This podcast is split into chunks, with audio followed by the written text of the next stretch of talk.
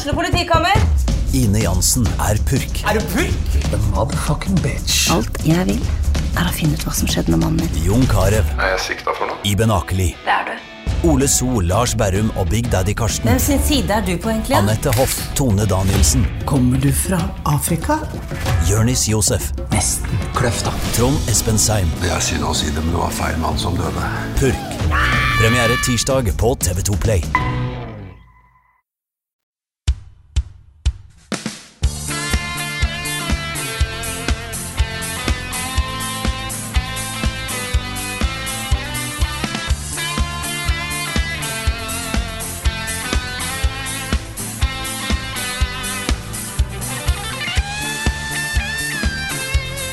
Og da vil jeg ønske hjertelig velkommen til en ny episode av podkasten Level Backup. Ute er det dritt, men her inne hos oss i vårt podkastrom er det koselig og varmt og hyggelig, og da skal det være de neste timene mens vi snakker litt om spill. Jeg er Frida Danmo, og med meg i dag har jeg Karl Martin Hogsnes og Rune Fjell Olsen. Hallo, folkens. Hello. Hello. Hello. Husrom og podcastrom og hjerterom og alt. Alle rom. Å ja. Yes. Oh, ja. Blir bra. Hvordan går det med dere? Går det bra? Ja. Spilt eh, intensivt eh, ett spill det siste, som vi kommer snart eh, tilbake til. Ja, det, det er dette, altså. Dette er en en uke eller to. um, og så må jeg nevne også at jeg har ramla ned i sånn der uh, mørkt, men utrolig morsomt sånn memehull i går kveld. Og etter liksom to timer med, med liksom gradvis mer og mer sånn Åh, sånn dyp fascinasjon, så sendte jeg melding til Carl og introduserte ham for denne memen. Og nå kommer vi inn veldig sent, da.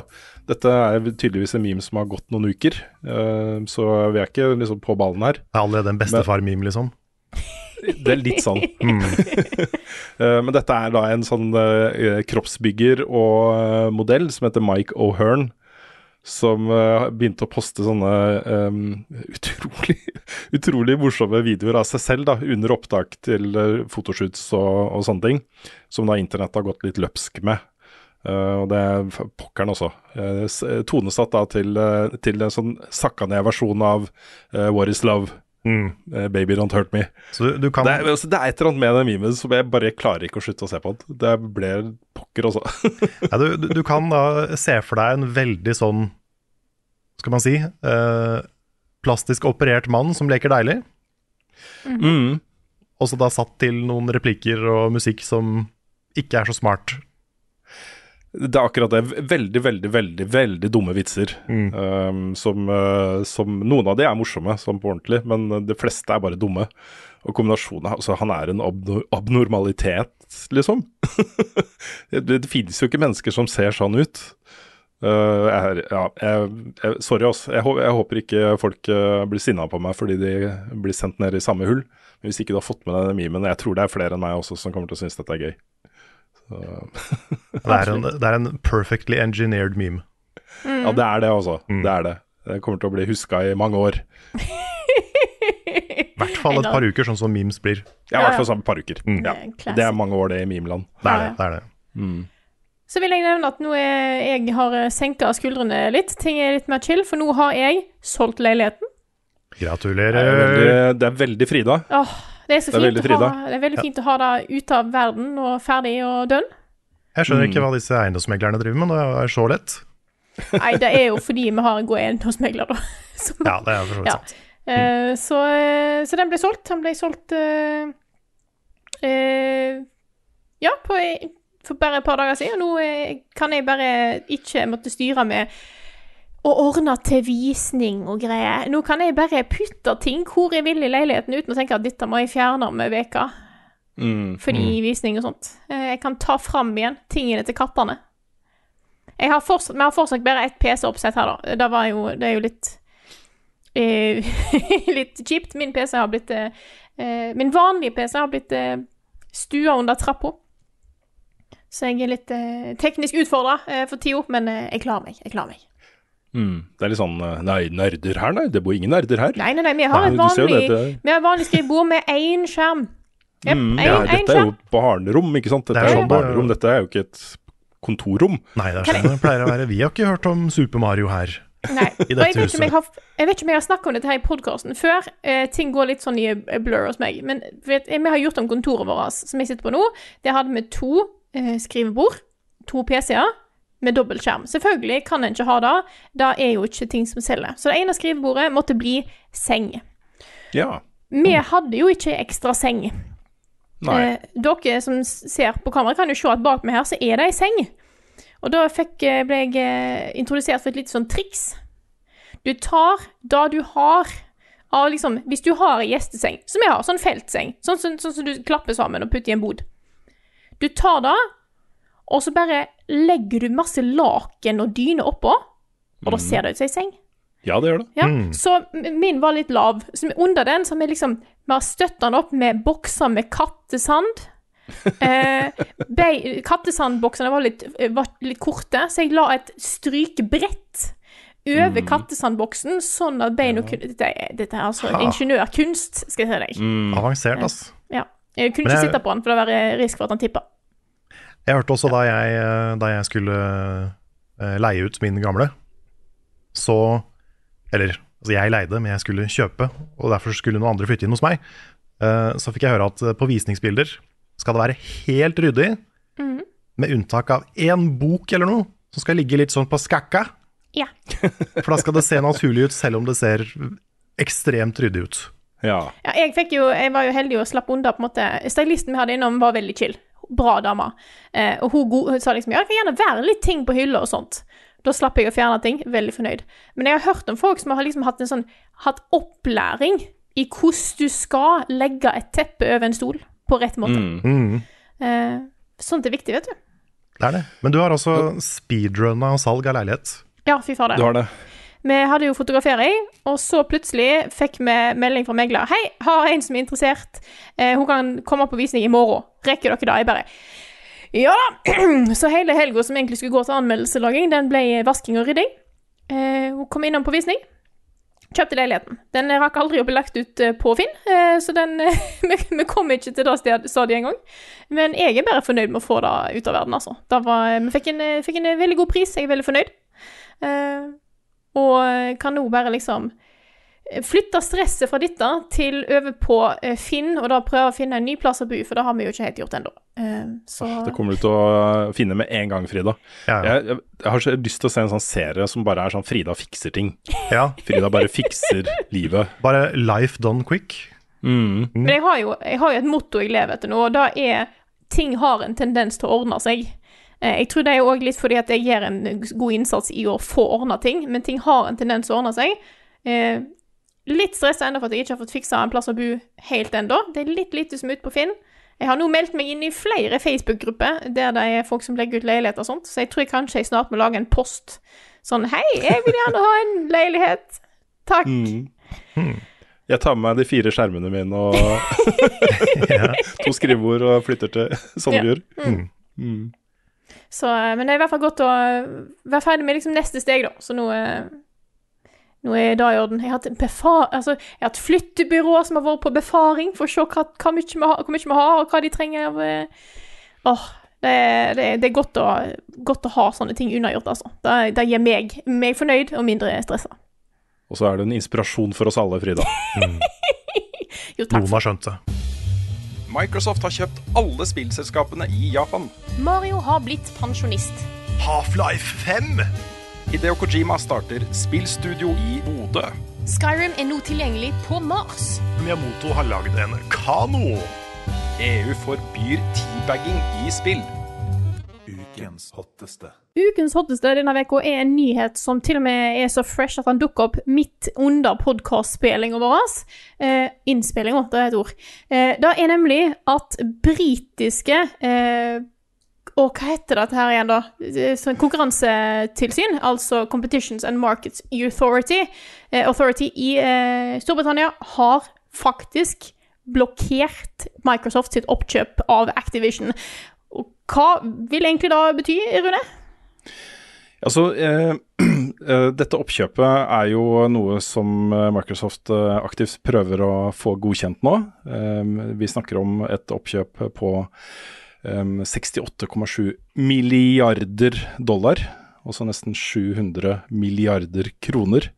Uh, er en veldig, veldig big deal. Men så er det jo dette spørsmålet rundt konkurranselovgivning og monopolvirksomhet, hvor, uh, hvor andre aktører, um, noen av de mer iherdige enn andre, forsøker å stanse dette oppkjøpet fordi det, de mener det vil medføre for sterk konkurransevridning og monopolsituasjon.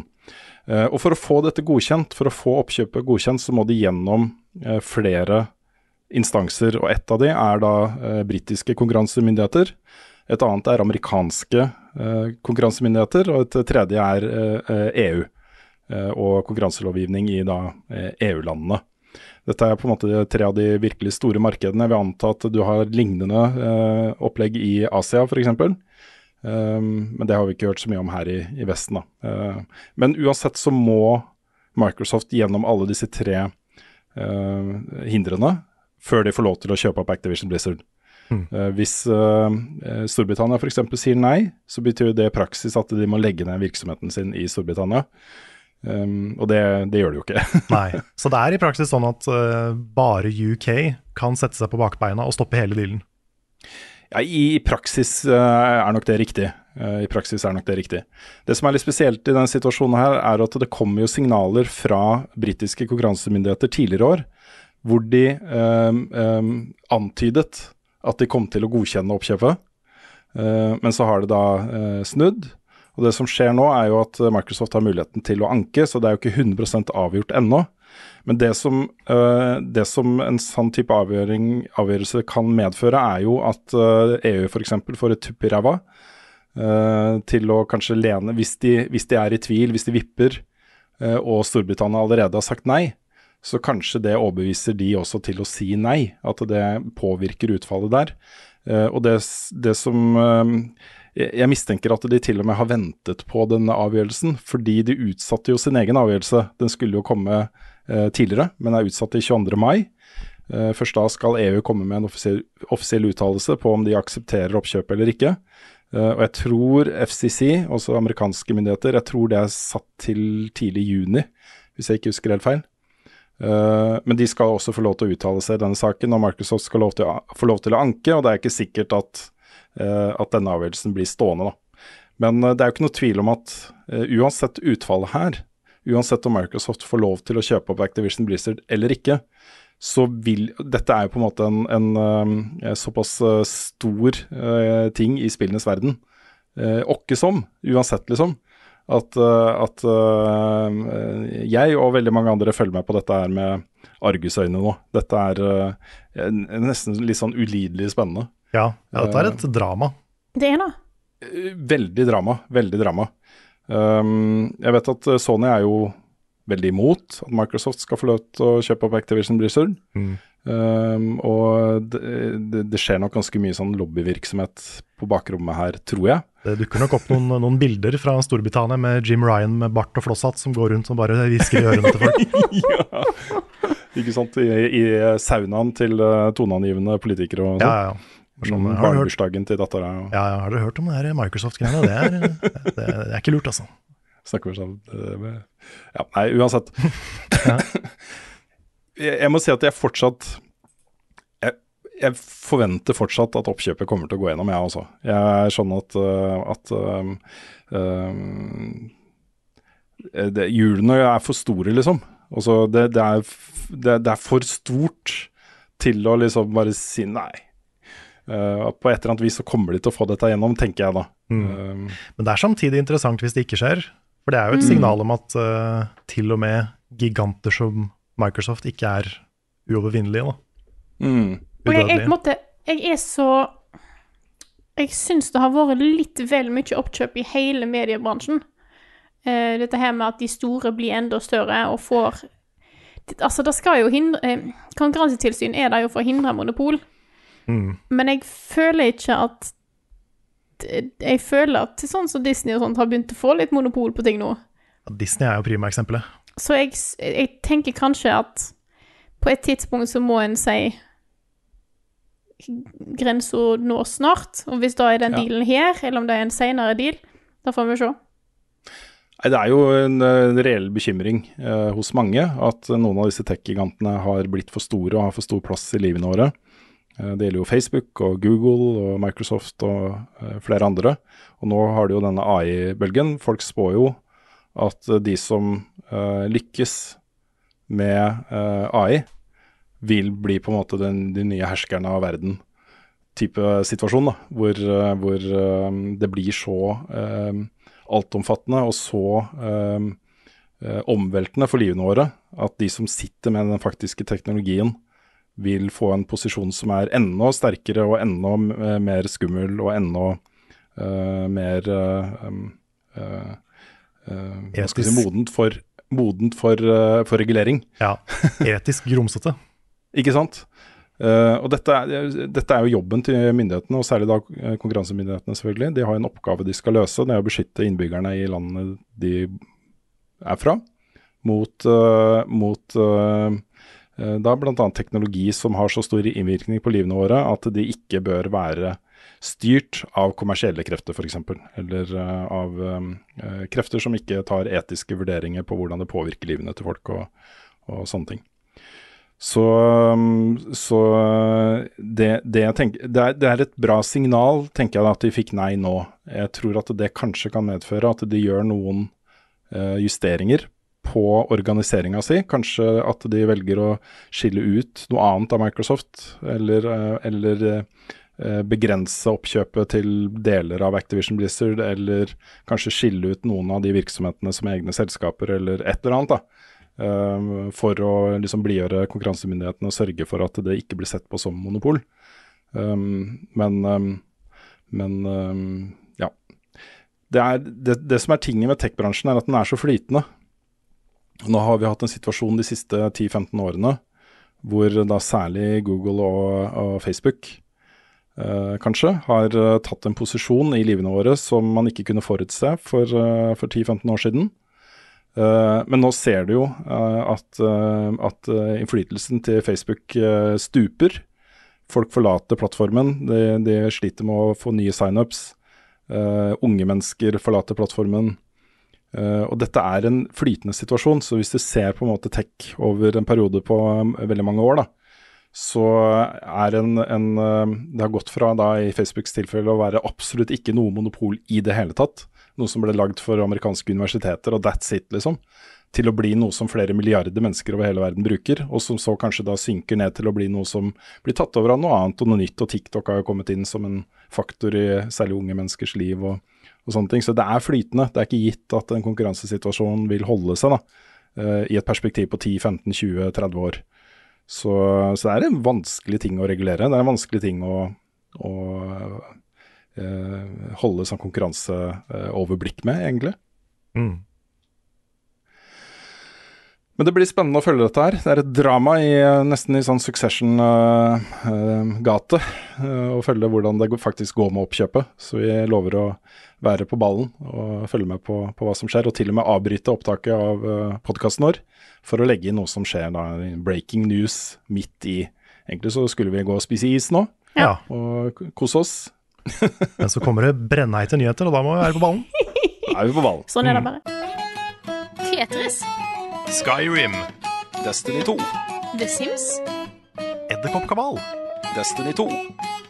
Animal Crossing. Pokémon Cola eller Pokémon Pepsi. Destiny 2. Gitar Hero. Kingdom Hearts Bohemian Boogaloo. Destiny 2. Level Ups spilleliste.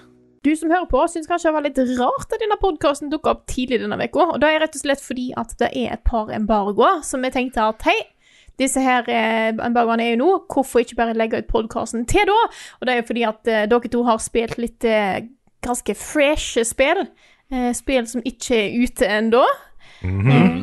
Altså også kombinert med at jeg, jeg, jeg har jo korona nå. Ja. Og ja. det, da måtte vi jo eh, flytte litt på spilluka på mandag. Så da kommer liksom podkasten litt tidligere, og så er det midt imellom. ikke sant? Normal utgivelse av spilluka og podkasten. Og så er vi nyhetsaktuelle og freshe og dritkule. Ikke sant? Viktig. Det, jeg føler det er det viktigste uansett når vi planlegger podkasten. Steg én, vær dritkul. Men dere Dritkul, har jo spilt eh, nye Star Wars eh, Jedi, og hva det heter Survivor? Survivor. Ja. Yes. Da bare overlater jeg praten til dere, vær så god. Mm. Kan du først nevne da at, eh, at um, pga. korona og Tesla grad 2, så ble jo min anmeldelse litt forsinka. Så den kommer nok ikke ut på NRK før på fredag, tenker jeg. Sikter mot fredag. At vi får den ut eh, på lansering eh, før helgen. Eh, og Det betyr også at jeg ikke er helt ferdig spilt. Jeg har ikke helt landa på terningkast og konklusjonen og sånt ennå. Men jeg er sånn ca. 10-12 timer ute i spillet, så et greit inntrykk har jeg likevel. Bare så det er Forventningene til hvor, hvor mye jeg vet om spillet er lagt, da, før vi begynner å snakke om det. Mm. Ja, jeg jobber også med anmeldelse til Level Up. Det manuset er så å si ferdig, men det er svært. Det har vokst og vokst og vokst underveis. Jeg har veldig mye på hjertet om, eh, om spillet og om Star Wars, tydeligvis. Så det blir en, en svær video som kommer så fort den er klar. Det tør ikke helt å si når ennå, men så, så fort som overhodet mulig. Mm. Men ja. Så fikk vi også litt sånn tilleggsutfordringer, fordi det er jo noen sånn tekniske utfordringer med det spillet sånn i eh, pre-launch-perioden. Det var det. Men, eh, Det var noen, eh, det var noen ganske store sånne pre- pre-launch eh, tech Mm. issues. Nå har det jo kommet en day one-patch uh, som jeg spiller på, uh, som er, ser ut til å ha fiksa de verste tingene. Uh, så, så nå er det bare å peise på, og så blir det en, blir en anmeldelse. Jeg vil jo si at generelt sett så, så er det på en måte egentlig den oppfølgeren jeg hadde håpa på og øh, ønska meg. Um, det første Star Wars Jedi-spillet, uh, Fallen, Fallen Order uh, Jeg blir veldig fort uh, østfoldsk når jeg skal si Fallen Order. det var uh, Det var jo et veldig sånn fokusert, historiedrevet, lineært Star Wars-spill. Hvor, uh, hvor de på en måte dippa litt tåa i sånn type åpen verden, utforsking, um, type ting. Men hvor uh, hovedfokuset var liksom bare å pushe deg gjennom denne historien. Uh, og det syns jeg funka. Jeg syns det var et bra spill uh, med masse kule hendelser og en, en god historie. Uh, men hvor, hvor jeg kanskje savna litt um, bedre connection med hovedpersonen, kanskje. og litt mer sånne artige ting å finne på å gjøre i spillet. Og de har tatt den type tilbakemelding og nå lagd et fullstendig sånn åpen verden eh, kjempespill. Det er svære, svære, svære områder du skal utforske her, med massevis av valgfrie sideveier og ting å finne og uh, greier du kan bare velge å ignorere, uh, osv., osv. Det har blitt et mye, mye større og mye mer åpent spill. Mm. Uh, og det setter jeg faktisk ganske stor pris på, altså. Ja, spesielt den planeten, den Kobo, som du kommer til veldig tidlig i spillet. Den er jo på en måte den svære åpen verden-huben, Mm. hvor eh, den er mye større enn alle de andre planetene. Og det er der du uh, kommer til å være mesteparten av tida når du ikke følger hovedhistorien. Da. Mm. Også når du følger hovedhistorien, men, men også i tillegg her. Uh, og det, det er på en måte det er, det er veldig mye sånn optional content å finne der. Du har uh, Bounty Hunters du kan ta, som er sånne optional bosser. Du kan finne en haug med sånne skjulte huler og puzzles, og til og med sånne eh, Zelda-aktige shrines, hvor du kan gjøre sånne små puzzle-oppdrag. og jeg syns det er veldig kult. Det eneste jeg savner med det, er at jeg føler litt for ofte så er belønninga for å finne ting bare kosmetiske. Ja, dette er et ganske stort poeng, altså. Fordi, um, fordi uh, her, her er jo spillet veldig sånn i gate med type Ratchet and Clank, også 3D action adventure puzzle plattformspill, hvor man gjør masse gøy. Man må liksom tenke skikkelig grundig gjennom og eksperimentere og liksom løse en puzzle for å komme seg til det stedet hvor belønningen er. Og så får du en ny hårsveis til Cal. Ja, og hårsveis er liksom i det mer interessante delen av, Ja. av sjiktet. Fordi mesteparten av det du får, er jo sånne bitte, bitte, bitte små deler til lightsaberen. Som Ja, Cal har nye- handa si over. Ja. Så du ser jo ikke når du bytter på de. Nei. Ja, det er en ren kosmetisk ting. Også oppgra eh, visuell oppgradering til eh, BB, eh, altså droiden du har på skulderen, liksom. Ja, B B Eh, Clank. BD1. BD1, Mm. Clank-figuren Ja. i denne sammenhengen. Um, og oppgraderinger, visuelle oppgraderinger til uh, lightsaber. Um, men du får jo da også noen ganger, noen få ganger, et skill point som du kan bruke til å oppgradere abilities. Mm. Um, utvidelse av helse, eller en ny sånn stim-helseting. Ja. Det er jo de nyttige oppgraderingene, ikke sant? Ja, det er de du vil ha. Det er de du vil ha. Og det, er, det, skjer, det skjer litt for sjeldent at du får de. Ja. Jeg vil tippe at kanskje én av fem-seks er av den eh, sorten, mens resten er bare kosmetiske greier da, som du som regel ikke bryr deg så mye om. Ja, Hvis ikke det er enda verre, at det er én av ti. Jeg føler Ja, at jeg blir- alltid får sånne kosmetiske. Ja, det, det føles litt sånn, altså. Um, det blir litt redda av at, uh, at um, hvert område har jo uh, sine på en måte set uh, pieces.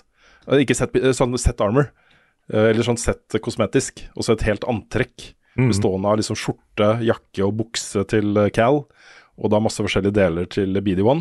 Um, og det å på en måte samle alle, da, det er jo en sånn completionist-ting som trigger et eller annet i meg likevel, liksom.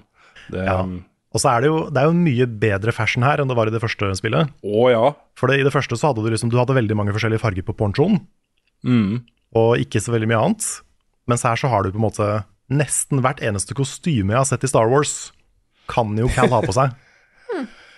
Ja, så har du Kan jo både cosplaye Han Solo og alt mulig. Ja, for det er akkurat det. Du kan, eh, hvis du kombinerer det som hårfrisyre med antrekk, så kan du bli Obi-Wan eller Luke Skywalker. Altså du kan få looken de har i filmene. Mm. Uh, og det har jeg brukt for alt det er verdt, så jeg har fullskjegg. Jeg er litt sånn Obi-Wan eh, med liksom litt klærne han brukte og, og sånne ting. Jeg syns det er litt kult, da. Jeg syns det er um, det at jeg kan gjøre Cal, som egentlig er en litt sånn dufus rollefigur, i mye mindre grad nå enn i første spillet. Mm. Uh, men jeg kan gjøre han litt mer min egen, og det, det satte jeg pris på, da. Ja. Så måten Ja. Ja, jeg syns det er litt festlig at du på en måte kan gå rundt og finne skjegg i kis- kista, da. Da syns jeg. Ja, det er, det Det er du veldig- åpner i kista, der er et skjegg, Ja, liksom. det er veldig, det er veldig video gaming. Men det er noe med det ja, For jeg har tenkt mye på det der med, med Cal. Jeg snakker litt om det i anmeldelsen min også. Men jeg sitter veldig mye mens jeg spiller og tenker liksom Er dette her en spennende nok rollefigur til å, ha, til å være hovedrolle i to Star Wars-spill? Mm. Og jeg syns jo egentlig ikke det. Han er, han er litt for anonym, litt for kjedelig. Og selv om de gjør ting med han i denne historien her, så er det likevel ikke helt nok for meg. Han blir på en måte en litt mindre spennende Luke Skywalker for meg. Og det Jeg skjønner poenget med at liksom Det er, det er meningen han skal være sånn, fordi spillerne skal på en måte prosjisere og uh, ta, bli en del av han, liksom. Men da tror jeg det hadde fungert bedre med en sånn Mass Effect-tilnærming, hvor, hvor du faktisk lager en karakter i starten, istedenfor å få en fastsatt karakter med navn og en historie. Mm. Jeg syns den mellomtingen de har valgt, er litt rar. Ja. Det følger jo litt opp en litt sånn stolt tradisjon med, med kanskje litt sånn derre naivt eh, gode, eh, men eh, ikke så dype, eh, kanskje, eh, rollefigurer i Star Wars-filmene. Jeg vet ikke. Tråkker jeg i salaten nå? Sier jeg noe som jeg kommer til å få reaksjoner på? Nei, men altså Han er jo veldig Luke, men jeg syns Luke er mer spennende.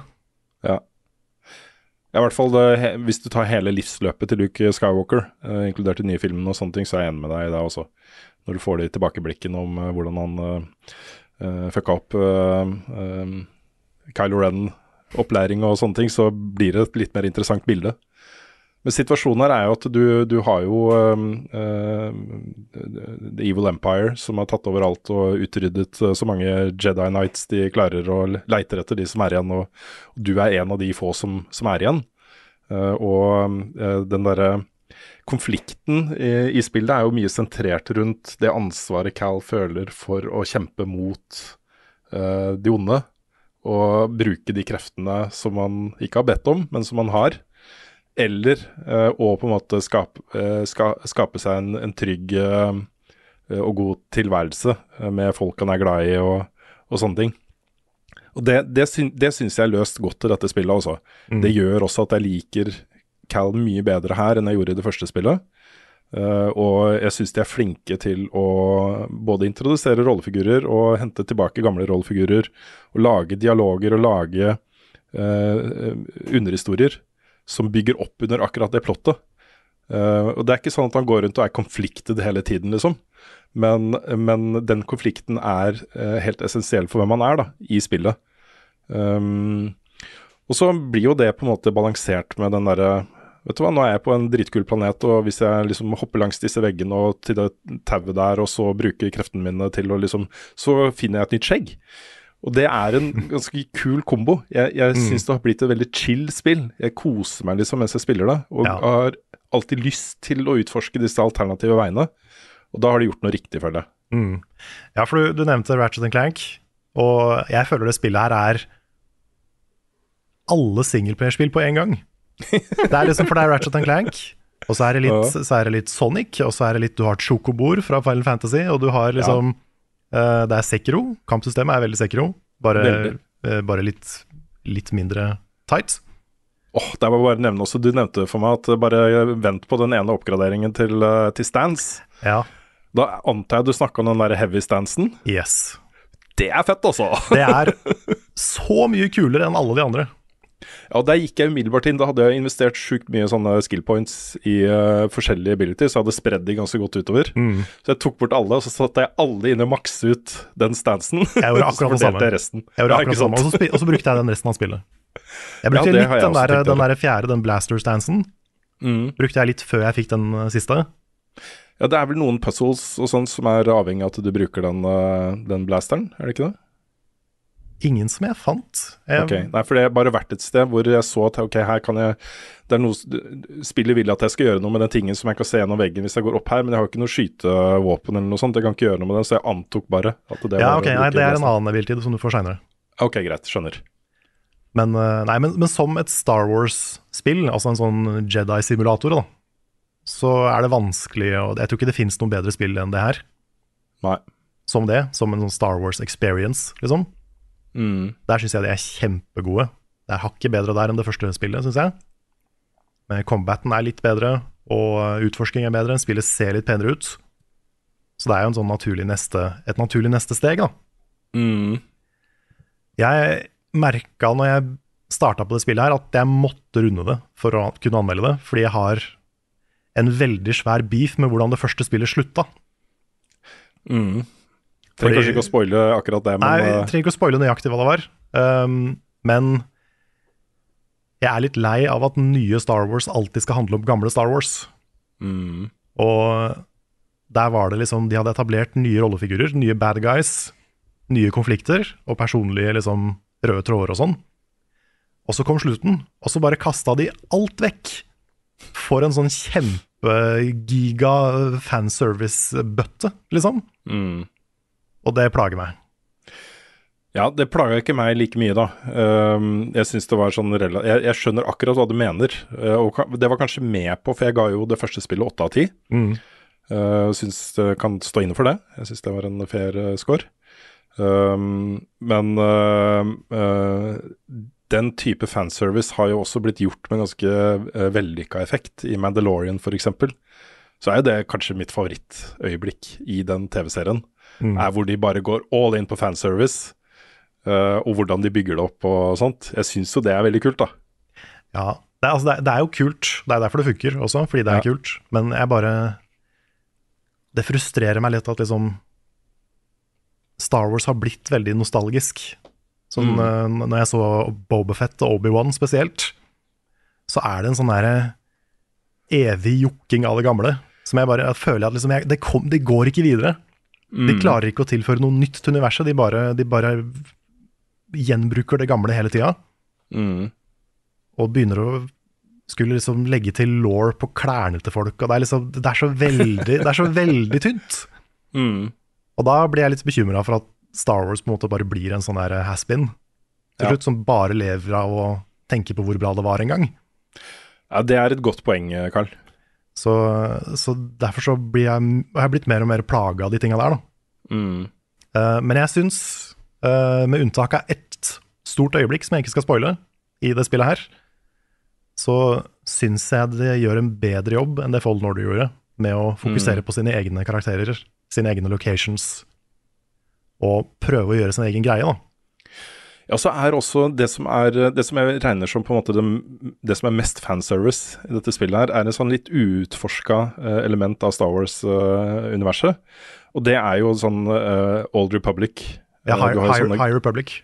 High Republic, hvor du har disse gamle Jedi-ruinene, hvor det har, eh, som en gang har vært i sin storhetstid, og hvor det har vært liksom Jedi som var på, eh, på toppen av alt, liksom. Eh, og de ruinene får du utforske, og du får litt sånn stemmer fra fortiden som snakker om hva som foregikk der, og, og sånne ting. Og det syns jeg er kult. Det er en sånn eh, litt sånn Tomb Raider-vibes, hvor du driver litt sånn eh, utforsking av eldgamle ruiner og sånt. Det satte jeg veldig, veldig pris på også. Mm.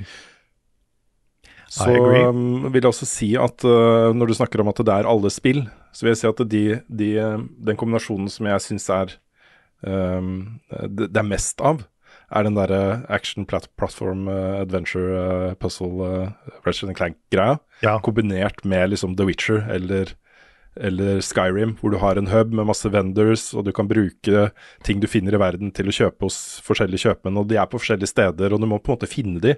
De er ikke nødvendigvis på kartet. Du må liksom leite Altså det er en veldig sånn åpen tilnærming til det å bruke de greiene du finner i verden, da. Mm. Og så er det Um, også som Metroid. Det har også masse Metroidvania-elementer. Mm. Du Mm. kommer tilbake. Uh, så det må du bare belage deg på. At når du drar fra en planet, er, du skal garantert tilbake dit for å låse opp de veiene du ikke hadde tilgang til sist du var der. Mm. så, um, men, uh, men jeg liker den miksen. Det er på en måte en veldig sånn lettbent uh, og, og gjennomtenkt og velfungerende gameplay-mekanikk og loop i dette spillet, hvor, um, hvor du hele tiden finner sånne miljøpuzzles som jeg elsker å gjøre. da. Hvor du må bruke mounts f.eks. For, eksempel, for å løse uh, miljønavigeringspuzzles. Du må liksom snu deg ganske ofte for å finne Ok, du må først tilbake for å komme deg videre den veien du egentlig skal. Da. og det er en litt sånn derre koseopplevelse for meg. Jeg koser meg skikkelig når jeg spiller, uh, spiller det. Mm. Og så liker jeg at de drar inn sånn derre um, Det er jo sikkert langt fra noe nytt for, sånne, for folk som er dypt nedi uh, ekstra Star Wars-ting, da. Utenom hovedfilmen og serien eller sånn. Men at de drar inn liksom force witches og sånn, Mm. det syns jeg er litt kult. Jeg har ikke sett så mange, ja. har ikke sett så mange hekser i Star Wars, liksom. Så at de gjør litt Nei. mer sånne ting. Det er garantert 100 sider med law om de i andre ting, men for meg så var det litt nytt, da. Mm. Så det syns jeg er gøy. Det er også litt gøy at de, de er liksom aliens, men de ser jo bare ut som liksom punk girls. så så jeg, tror, jeg tror spillet kjenner sin målgruppe. Mm. Ja, det tror jeg også. Så Nei, jeg vet ikke. Nå har jo ingen av oss uh, anmeldt det ennå. Um, men um, jeg kan jo si at jeg generelt er ganske positiv til det spillet her uansett, da. Det Mm. blir ikke noen uh, dårlig anmeldelse fra meg. Det kommer til å gi det en ganske positiv anmeldelse, så får vi se da hvor positiv uh, den blir. Uh, men um, alt i alt vil jeg si at dette er ikke et Dette er ikke et uh, dumt valg hvis du er glad i Star Wars uh, og likte det forrige spillet. Så er det ganske stor sannsynlighet for at du kommer til å digge dette her også. Ja, det er, det er mer av det som funka i det første spillet, liksom. Mm. Så jeg kommer også til å være veldig positiv. Det, jeg kommer til å snakke mye i anmeldelsen om det jeg føler mangler også, fordi det er sånn Når, når noe er så bra, så blir du veldig sånn frustrert over de få tinga som ikke er det. Mm. Så, så, det, så det er mye sånn derre «Hm, Tenk om det hadde vært det kunne vært ti av ti, liksom! Men så er det ikke det. Så, så, så um, ja. Det er, det er et vanskelig manus å skrive, men, men det er et veldig bra spill, og jeg kommer til å gi det en høy score. Mm. Så det er bare å se fram til de anmeldelsene der, både fra Rune sin på NRK og Carl sin på vår kanal. Skal vi gå videre til neste spillrunde? Ja, jeg foreslår at vi tar, uh, vi tar en liten uh, fot uh, i bakken på Tesla grad 2. Ja, takk for dere. Før vi tar den siste tingen, som jeg bare Jeg har så lyst til å snakke om det. Jeg kan nevne at jeg har eh, siden sist fullført Tesla grad 2. Jeg hadde jo bare kommet et lite stykke inn i eh, sist gang. Så, eh, og du har jo anmeldt den for eh, NRK i mellomtida i tillegg, Rune. Det stemmer. Jeg ga det terningkast fem. Mhm. Jeg ville nok gitt det åtte av ti, hvis det var en, uh, en, uh, også vår, vår skala. Mm. Um, og det er jo en, uh, en høy score for et norsk spill, vil jeg si. Så um, Jeg kan, eh, jeg kan røpe eh, før anmeldelsen min ut at jeg ligger rundt samme, eh, rundt samme plass. Jeg har ikke helt bestemt meg eh, helt ennå. Eh, driver og eh, Mens dere satt eh, og snakka nå, så plutselig fant jeg på en, kom jeg på en veldig god formulering på en setning, så jeg må huske å skrive den her etterpå. Jeg er midt i Ja. manus, eh, manusskrivinga. åh, Eh. akkurat sånn er jeg også, Frida. Mm, det var plutselig dukket opp en setning. Jeg bare, åh, jeg hadde nok et par dritbra da jeg sto i dusjen her en dag. Og det glemte jeg å skrive ned. Det er forferdelig. Ja, Man må skrive ned, og jeg, har det har skjedd meg så mange ganger. Åh, I know. I know. Irriterende. Mm. Nei, eh, jeg, er- jeg har eh, Jeg har jo fullført det. Utrolig kult spill. Jeg, eh, jo mer jeg tenker på de mekanikkene de bruker, jo mer eh, imponert er jeg over hvor unike de er, og hvor godt ruta de er i eh, dette her elektromagnetiske utgangspunktet. Mm. Det her er det ikke noe sånn Ja, bare legg på den her, for det er kult. Eh, Dobbelthopp for, fordi lol. Eh, alt er liksom Alt gir mening. Ja, det er den som, den som jeg eh, sleit mest med å bare forstå, for de forklarer jo ikke dette for deg. Altså, du får en ny ability, og så eh, har du en sånn grunnleggende forståelse av at ja, den kan jeg bruke til det. Men du kan som regel bruke det til så mye annet, og den tingen som jeg brukte lengst tid på, var når du får den derre øksa, som ligner litt på Mjølner. Mhm. Det er en sånn der elektrisk øks som du kan bruke som kastevåpen. Men du kan også kaste den på bakken og bruke den til å gi deg momentum til å komme deg høyt opp, ikke sant? Ja, Jeg òg satt fast på den lenge. Så det, det er så mye smart. Ja, det Eh, er kjempesmart. Og de, de lar deg som spiller føle deg smart. Mm. De legger til rette det- rette for det- det.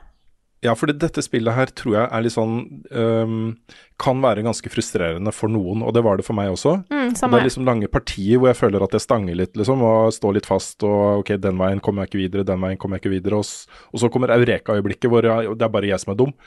Eh, hvorfor, ikke sant, det, selvfølgelig er det jo sånn, og så er det videre. Eh, og så har du lange sekvenser hvor du begynner å liksom mestre disse abilityene og kjenne miljøene litt, hvor det flyter på samme måte som det gjør i, i Metroid eh, 2D-spill. Og det er da dette spillet virkelig skinner, da. Hvor du har sånne Du føler liksom at ok, du har alle disse abilityene du har, det er lagt opp til at det skal flyte dritbra, og når det flyter dritbra, så er spillet dødsfett. Så, og det er de øyeblikkene jeg husker best, da. Mm. Hvor, eh, hvor jeg fiser rundt i dette svære miljøet her.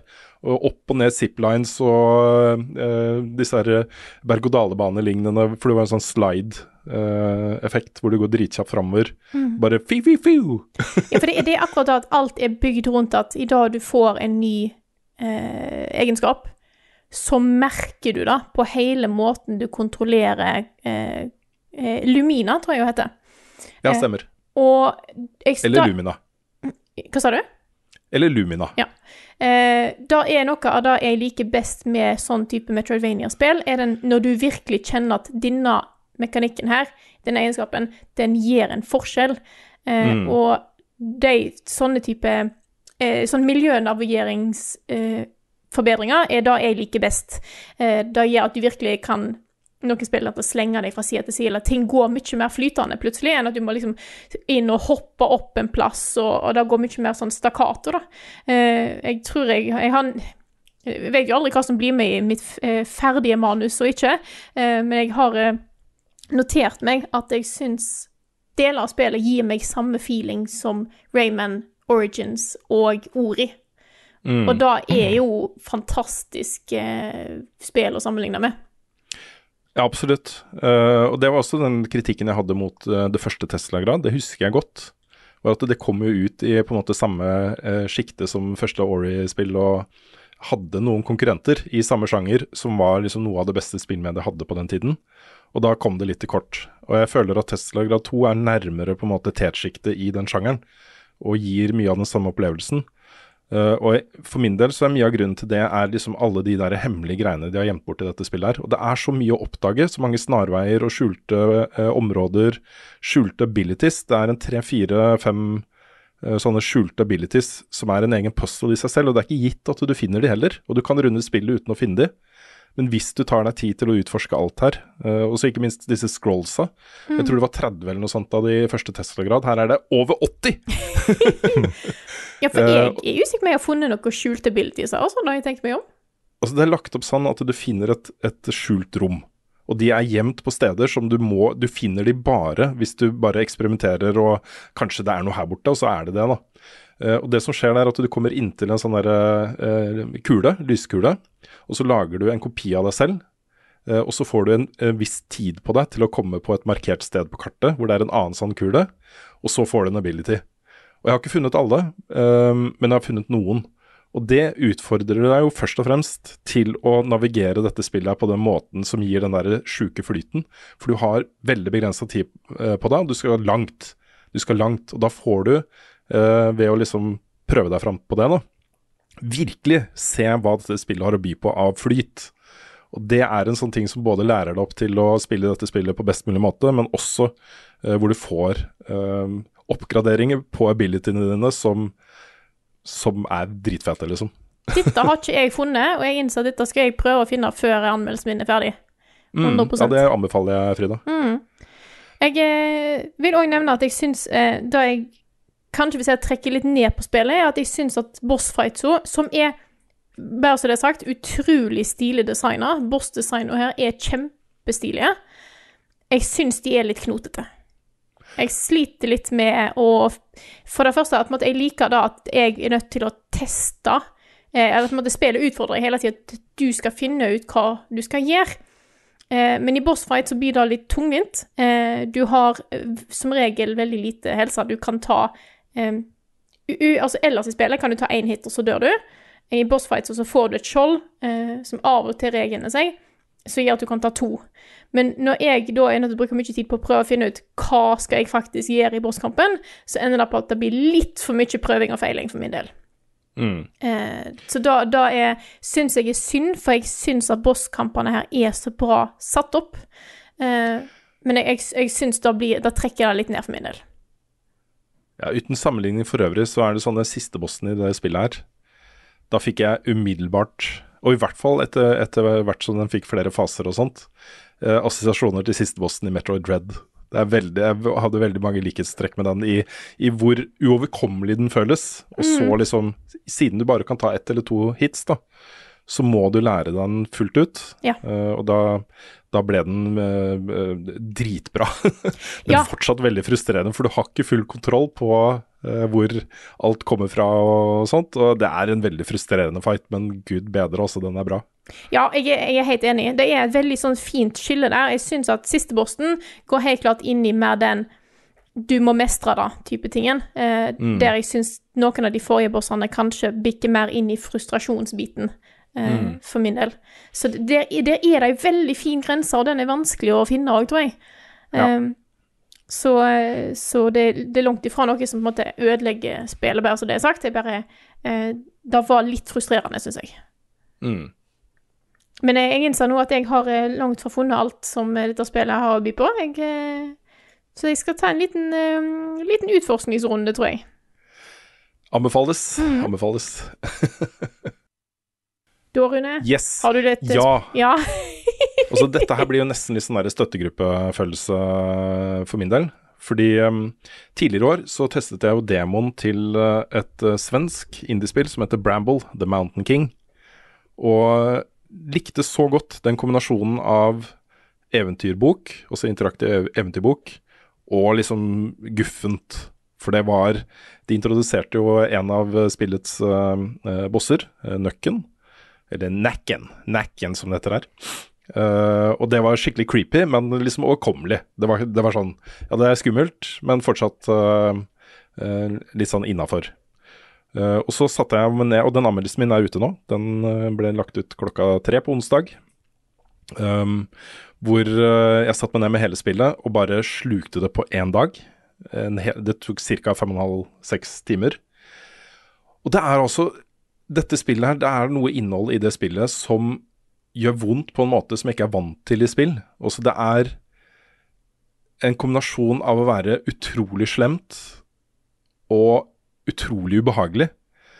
Uh, men i mange tilfeller også bare utrolig morsomt. og det er um, Det er en veldig spesifikk form for humor, da. Uh, jeg sammenligner det i anmeldelsen med den scenen fra Pulp Fiction. Hvor uh, de sitter i bilen, og Jules bare tilfeldigvis ved et uhell blåser hodet av han som sitter i baksetet. Og Jeg syns det er en utrolig morsom scene. Det er forferdelig, selvfølgelig, men, men det er morsomt. Og det er lagd for å være morsomt fordi det er Ikke sant? Eh, og dette spillet lener veldig inn i det. da. Og grunnen til at det fortsatt er uh, uh, rettferdiggjort, er jo fordi dette spillet er basert på de svenske folkeeventyrene, som i mange tilfeller er veldig like de folkeeventyrene vi har i Norge. Og det er noen av de historiene som er rett, rent ut sadistiske og brutale på en måte som, eh, som er ganske sjokkerende. Jeg har en sånn eventyrbok her hjemme som vi har lest i, for barna når de var mindre. da. Og da var det sånn, vi måtte først skumme gjennom eventyrene, og så liksom finne ut er dette et eventyr vi kan lese for barna. Og det hendte at vi ikke catcha, liksom. For noen ganger så er det bare en setning eller to. Hvor, eh, hvor det er sånn av type, og så rev de ut innvollene og hengte det opp i taket som uh, pynt. Type uh, brutalitet, da, ikke sant. Noen Ja. av de eventyrene er sånn. Og dette spillet er basert på det, da. Så jeg vil advare eh, folk om å ikke se dette som et koselig eventyrspill. Dette er et skrekkspill. Et, et 100% skrekkspill, basert på folkeeventyr, selvfølgelig. eh, Med mange også koselige sekvenser, men hvor du kan forvente deg at eh, det, den kosen blir snudd veldig på hodet Um, neste sekvens. Ja, for du sendte jo et bilde av den her warning-skjermen ja. i forkant av spillet. Alt det innholdet som står i warning-skjermen, er i spillet. Det er ikke alt som er sånn i verste uh, tenkelige form. Um, um, noe av det er mer sånn tematikk i spillet som blir berørt. Eh, men det er allikevel Når de sekvensene kommer, så gjør det vondt, altså. Uh, Sånn på ordentlig. Eh, og jeg skal ikke liksom avsløre for mye av hva disse sekvensene er og sånne ting. Men, eh, men det forsterkes jo av at du styrer en ni år gammel gutt her, liksom. Som leiter etter søstera si på elleve, og du er på en måte barn i en verden som 100 er eh, eh, voksen på den verste måten, da. Eh, og da, da det, det blir ganske sterkt eh, innimellom dette spillet her. Men det er altså et så bra spill. Og så måten det er lagt, lagt opp på og laget, er eh, bare så friskt og så unikt og så annerledes og så kult. De har brukt Unreal Engine til å lage veldig sånn fotorealistiske miljøer. Og sånn når du rir på piggsvin, og når du liksom den piggsvinet padler gjennom eh, eh, vannet Og du blir jo bitte liten i noen sekvenser i spillet, ikke hele spillet, men i store deler av spillet så har du blitt bitte liten av en eller annen grunn. Um, så alt er jo kjempestort, og fuglene er jo store som elefanter og, uh, og sånt. Um, det, det ser altså bare så flott ut, uh, og er en så utrolig engasjerende reise med utrolig skumle monstre og spennende opplevelser og kjipe uh, kjipe skrekkelementer. Um, men det er altså så engasjerende. Og jeg klarte ikke å slutte å spille, og jeg bare var fullstendig oppslukt i det. Og satte meg umiddelbart ned og spilte en gang til. Eh, og det er jo et tegn da, på at de gjør mye riktig her. Så dette er en sånn derre Hvis du er glad i spill som er annerledes og har mage for ting som er veldig ubehagelig, så er dette obligatorisk, altså. Det eh, det var en sjokkerende god opplevelse. En sjokkerende opplevelse, men også sjokkerende god. Det er, eh, det er stødig på en måte som, eh, som eh, er utrolig hyggelig å se. Altså, det kommer fra et nytt, lite svensk studio som har hatt en sjukt god idé, og så klart å gjennomføre den på den måten her. Dem også. Det er, dette er et høydepunkt for meg så langt i år. Det er ingen tvil om. Så jeg gir det jo faktisk ni av ti. Snuste på tieren, og det kan hende at jeg liksom ser tilbake på det og tenker at det burde fått en tier, men det er et par sånn, sånn knoteelementer. Hvis du sliter med å sikte eh, i første person i spill, så er det et par sekvenser og bosskamper og sånt som kanskje er litt i overkant eh, frustrerende. Så, men ikke så frustrerende at det hindra meg i å ta platinum trophy i det spillet da før lansering. Rune Luringen som tar platinum før ting kommer ut. Eh, Det er helt insane, dette, altså. Ja. Men dette er, dette er en, eh, en um, Dette er et uh, utrolig uh, vondt, men veldig friskt uh, pust. En, en helt usannsynlig kul og, og um, vellykka spillopplevelse også.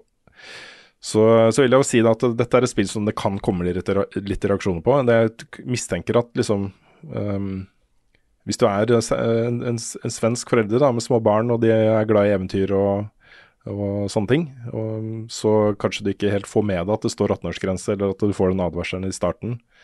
Og jeg, mine barn får ikke engang se på uh, de verste scenene i det spillet her, altså. Og i hvert fall ikke spille.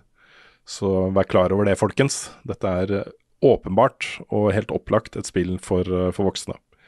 Så, men det er jo sånne ting som fort kan Det kan bli litt reaksjoner på. Da. Men da har de forsvaret sitt klart, da. Og det er jo, det er jo sånn disse folkeeventyrene var, da, folkens. Ja. Vi gjør jo bare Vi er jo bare tro mot opphavet, liksom. Det er jo Noe annet ville vært rart. Vi kan jo ikke, vi kan jo ikke pynte på vår egen kulturarv på den måten. Jeg syns Så- Av og til så tenker jeg tilbake på eh, eventyr om eh, han som kapper opp med trollet. Eh, Espen Askeladd. Eh, og der får han jo trollet til å skjære opp sin egen mage. Ja da. Mm. Gjør det. Ja. Det er samme med alle de eventyra som Disney har eh, brukt. Det er jo, de har kutta bort den delen av eh, Er det Askepott, hvor uh, stesøstrene får øynene sine bitt ut av eh, kråker og greier. Ja. Mm. Så det er mye, mye sånt. Og lille havfruen som blir torturert og dør på slutten. Mm. Kos. Det kom jo en film for noen år siden med Matt Damon og greier, basert på uh, også tyske, tyske folkeeventyr. Hva er det han heter igjen, han eh, Brødrene Grim. Brødrene Grim. Brødrene Grim, selvfølgelig. Uh, og den derre pepperkakehuset i skogen og hekser og sånt. Og det var jo også et eksempel da, på en moderne tolkning av, av klassiske folkeeventyr, som tar utgangspunkt i hvordan de eventyrene faktisk var. Det er mye, mye jævlig i Brødrene Grim også. Det er Ja, ja. ganske horrible greier, ass. Yep. ble ikke, ble ikke Pinocchio hengt i det ganske tidlig i den historien? Ja, det kan godt Jeg tenkes. tror det er, det er, mye, kjenner ass. det er mye greier. Der kan vi snakke mye om Disney-versjonen av den filmen òg, for gud fader, den Ja, ja, ja, ja. filmen er helt ko-ko. Pinocchio og Dumbo er ganske fæle, jævlige filmer. Ja. Ja. Nei, men Bramble the Mountain King, eh, folkens. Eh, Bramble betyr eh, bjørnebærbusk, hvis Ja. du lurer. Um, det er eh, et av de eh, mest særegne og kuleste spilleopplevelsene jeg har hatt på lenge også. Jeg vil lett plassere det i liksom samme kategori som uh, Immortality og uh, Inscription og den type spilleopplevelser som, uh, som eksisterer litt i liksom, utkanten av spillmediet og lever sitt eget liv og gjør sin egen greie. Um, og kan kanskje bli beskyldt for shock value, men jeg mener dette er bare en, en bunnsolid uh, moderne tolkning av, av eh, klassiske folkeeventyr, og at det er rettferdiggjort, da. Så, eh, så får vi se om folk er enig eller, uenig, men jeg vil i hvert fall anbefale folk som er nysgjerrige på ting som er litt utenfor allfarvei, til å ta en titt på, på det spillet her også. Det er dritbra. Har dere prøvd Vann fra springen? Jeg har sett en ny TV-serie ja, nå, vet du. Dette albumet må dere høre. TV-spill er ganske stas. Det er en serie som foregår in space. YouTube.com er en kul nettside. Level Ups anbefaling. Anbefalinga i dag er en ting som jeg er på en måte litt overraska over at jeg kom til å anbefale, fordi jeg ikke hadde store forventninger til det i forkant, eh, men ble veldig positivt overraska, og da er da snakk om Tetris-filmen. Ja. For dette her er jo jeg Først tenkte jeg hvordan i alle dager skal du lage en film som handler om Tetris? Er dette en ny sånn Battleship-opplegg? Eh, men dette handler jo om historien om Tetris.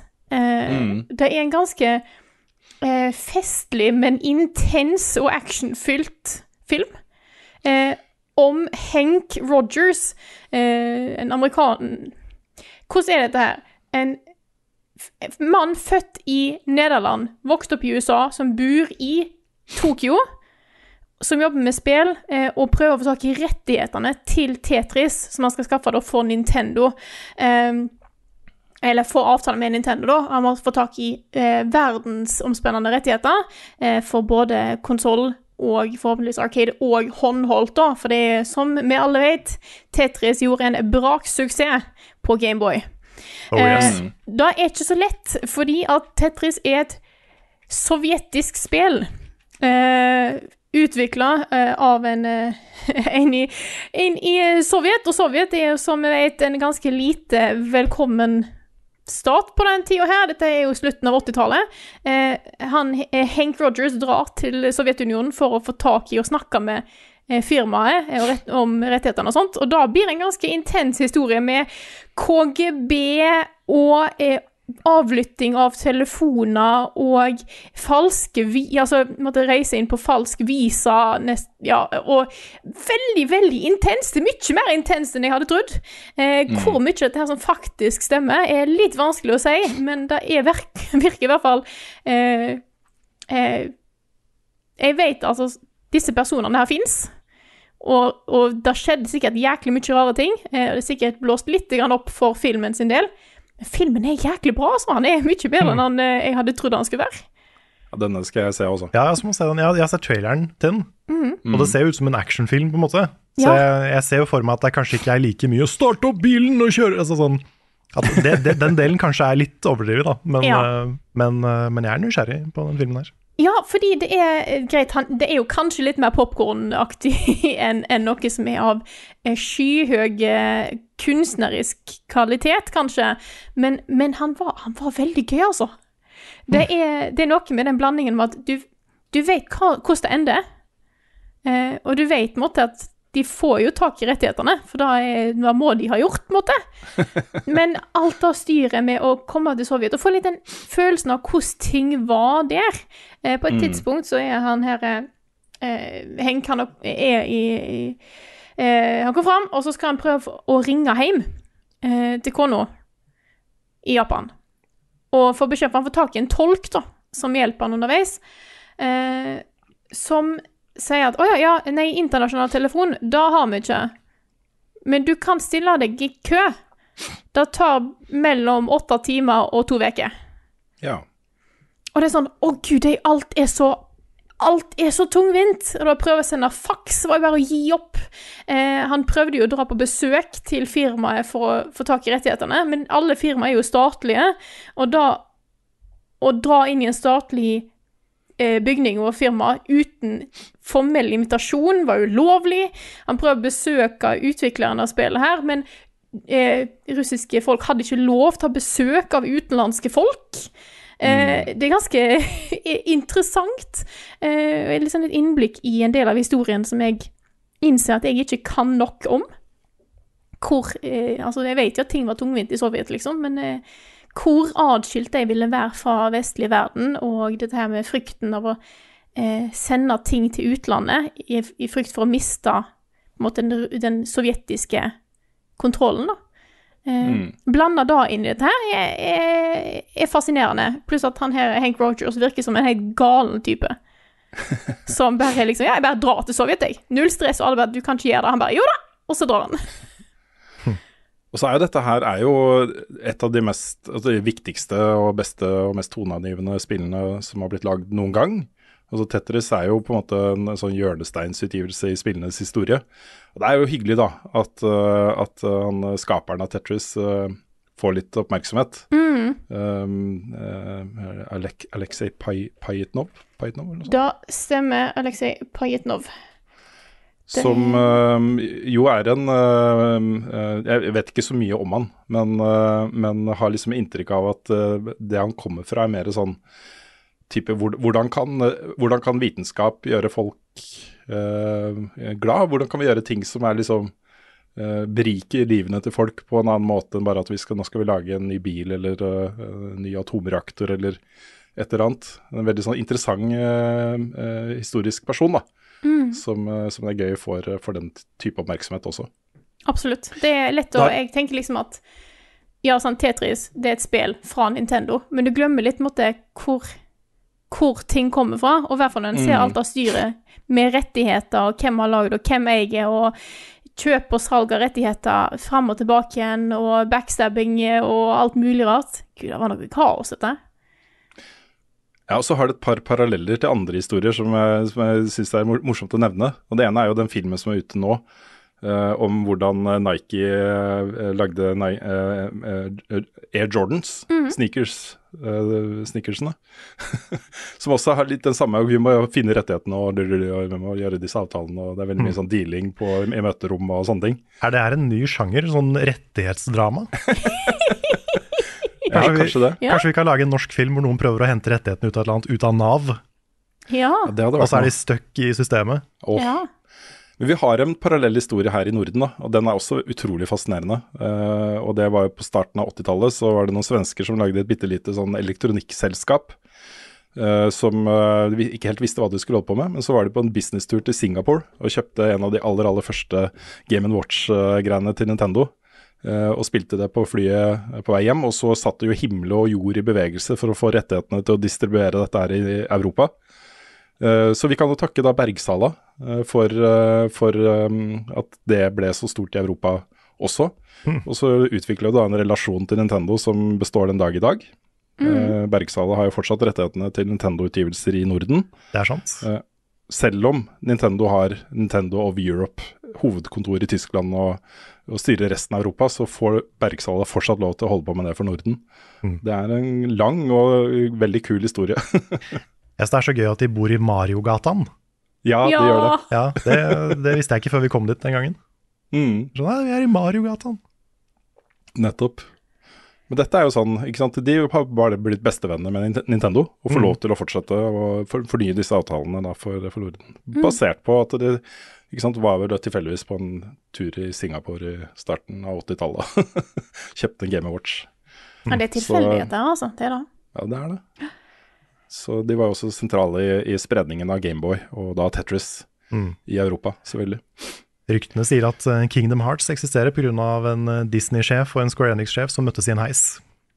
Ikke sant? Det er tilfeldigheter som, eh, som styrer, altså. Det da. Mm. Det er det. Sånn, eh, det at bare du og jeg møtte hverandre tilfeldig på sånn strippebule i eh, Møllergata, Ja, sant. eh, Karl, Mens jeg var høy Som- på minst tre forskjellige stoffer. Mm. Resten er historie, som de sier. Resten er historie. Ja, ja, det var akkurat sånn det skjedde. Nei, eh, Tetris-filmen den er tilgjengelig på Apple TV Pluss. Hvis du er interessert i å se den, så er det lett å, lett å få streame den. Eh, det var en mye mer spennende film enn jeg hadde trodd. Så eh, er bra, eh, god underholdning hvis du eh, Mm. Har lyst til å ha noe gøy å se på en, eh, på en kveld. Vi må ta en liten sånn tilleggsanbefaling her også. Det må vi. Um, eh, og da har det kommet et spørsmål fra Kjaus på Patron-siden vår, som eh, lurer på om noen av oss følger med på sesong fire av Succession. Trodde ikke denne serien kunne bli stort bedre, men den siste sesongen tar alt til et nytt nivå. Maken til 4D chess i disse forhandlingene har jeg knapt sett i en serie. Det er så sant. Sesong fire Ja, er miles above resten, altså. Ja, jeg, ikke, jeg er ikke enig i det, da, for jeg syns sesong 1, 2 og 3 også er dritbra. Men Ja, det er er dritbra, men jeg syns dette er enda bedre. Jeg syns det, liksom, det har overgått seg sjøl med siste sesongen. Jeg leste en, en Det var ikke en anmeldelse, men en sånn Twitter-melding eh, fra noen bra folk eh, da første episoden kom. Eh, jeg tror de hadde sett to episoder eller noe sånt den, den sesongen her. Og meldingen gikk på at, at det som er nytt da, i Succession nå, er at du ser en sluttstrek. Og så dette er i ferd med å konkluderes, det skal få en konklusjon nå, og at det merkes veldig godt da i historien som fortelles og, og hva som skjer. Og det er er jeg så enig i. Dette her kommer til å få en konklusjon, og jeg hadde lang prat med kona. Vi sitter og ser på sesong fire sammen hver mandag. Um, og vi hadde en lang diskusjon på om, eh, om hva vi tror om slutten. Hvor, hvor bærer dette her? Fordi det, det, det er liksom så mange mulige utfall nå, og alle, alle er morsomme, da, eller alle har noe ved seg. Og det er så spennende, altså. Det er sant. Jeg liker så godt det grepet de gjør med at serien er på en måte filma som et realityshow, Mm. selv om ikke det er det. Med et kamera som liksom reagerer på og prøver å fange opp stemningen i samtalen. og Prøver å liksom fokusere på de som snakker, men så får de ikke helt til alltid. Mm. At det er en sånn der, veldig levende, sånn stressa kameraføring. Mm. Det, det tilfører ganske mye kult til den serien. altså. Ja, særlig i episode tre.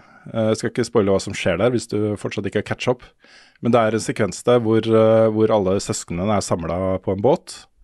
Eh, og det kommer til å gå inn i historien som en av de mest teknisk krevende og mest vellykka scenene i, TV-mediets historie.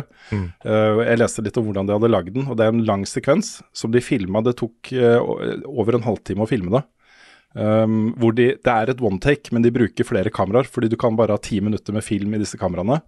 Så de hadde lina det opp sånn at eh, et kamera sto klart da, til å overta liksom fra en ny vinkel um, på visse punkter i, i dette greiene her. Men alt ble filma i én take. Det, var, det er ikke noen uh, tilleggsopptak der eller noe kutt i, i det som skjer. De bare følger disse rollefigurene i 30 minutter i en sånn lang, veldig, veldig dramatisk uh, sekvens. da. Eh, og jeg satt liksom med gåsehud da jeg så den scenen. Det var helt utrolig, ass.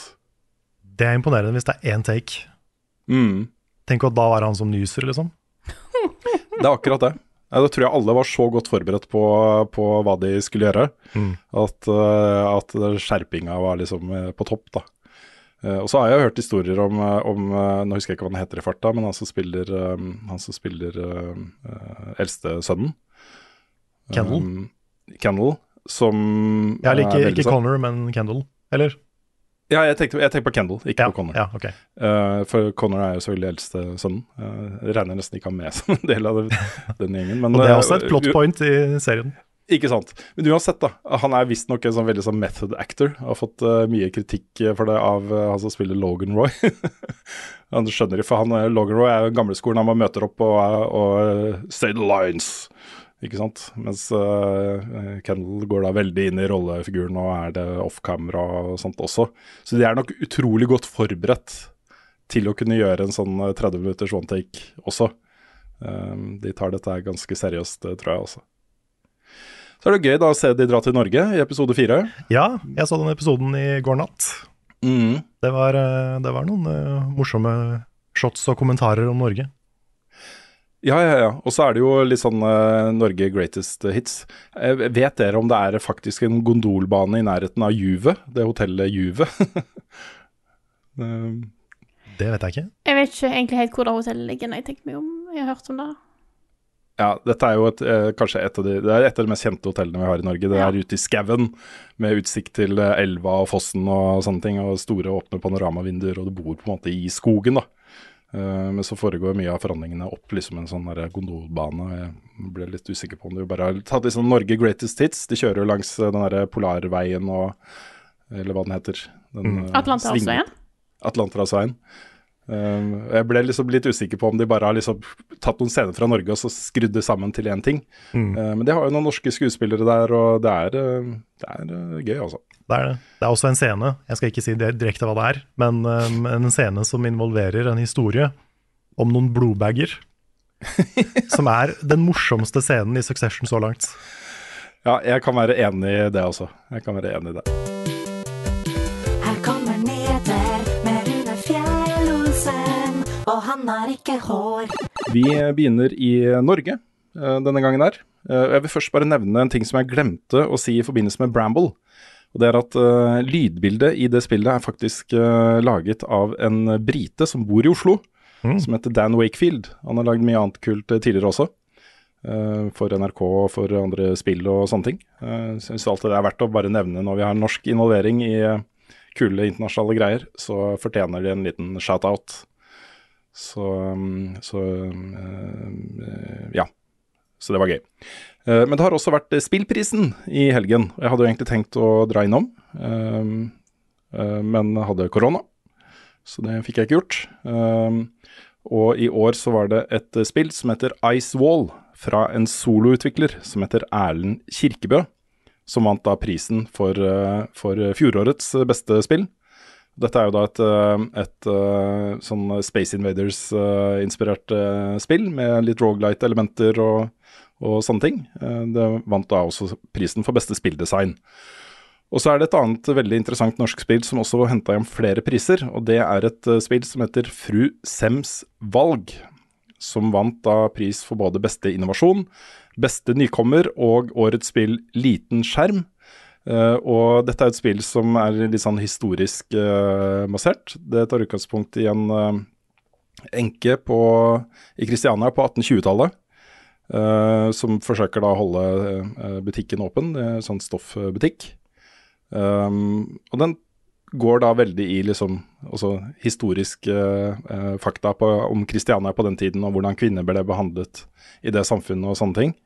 Um, så et eh, veldig sånn eh, sosialt eh, bevisst eh, eh, spill med eh, mye på hjertet. eh, og kult å se at det fikk så mange priser. Også et spill vi har uh, testa i veldig veldig tidlig versjon, 'Killer in the Cabin'. eh, morder på hytta. Eh, fikk eh, prisen for eh, eh, beste teknologi.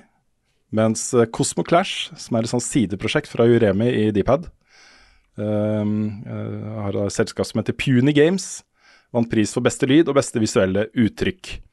Uh, og så er det et uh, spill som heter Skinny Bandit, som fikk prisen for best moro for alle. Og det var alle prisene. Og spillprisen er jo en, en kåring som vi stiller oss 100% bak, og vi er jo vanligvis i juryen eh, til denne kåringen. I år måtte vi takke nei, Fordi eh, det kom i januar, hvor eh, vi hadde både sykemeldinger og folk som var syke, og jeg var alene på jobb og mye annet som skjedde. Så vi kommer sterkere tilbake neste år, håper jeg da.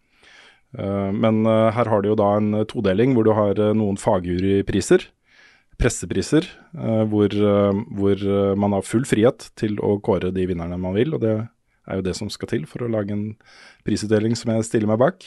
Og så har de en Jeg sa feil, pressejury og fagjury. Og Fagjuryene består jo da av spillutviklere som kårer da basert på liksom spillfaglige vurderinger.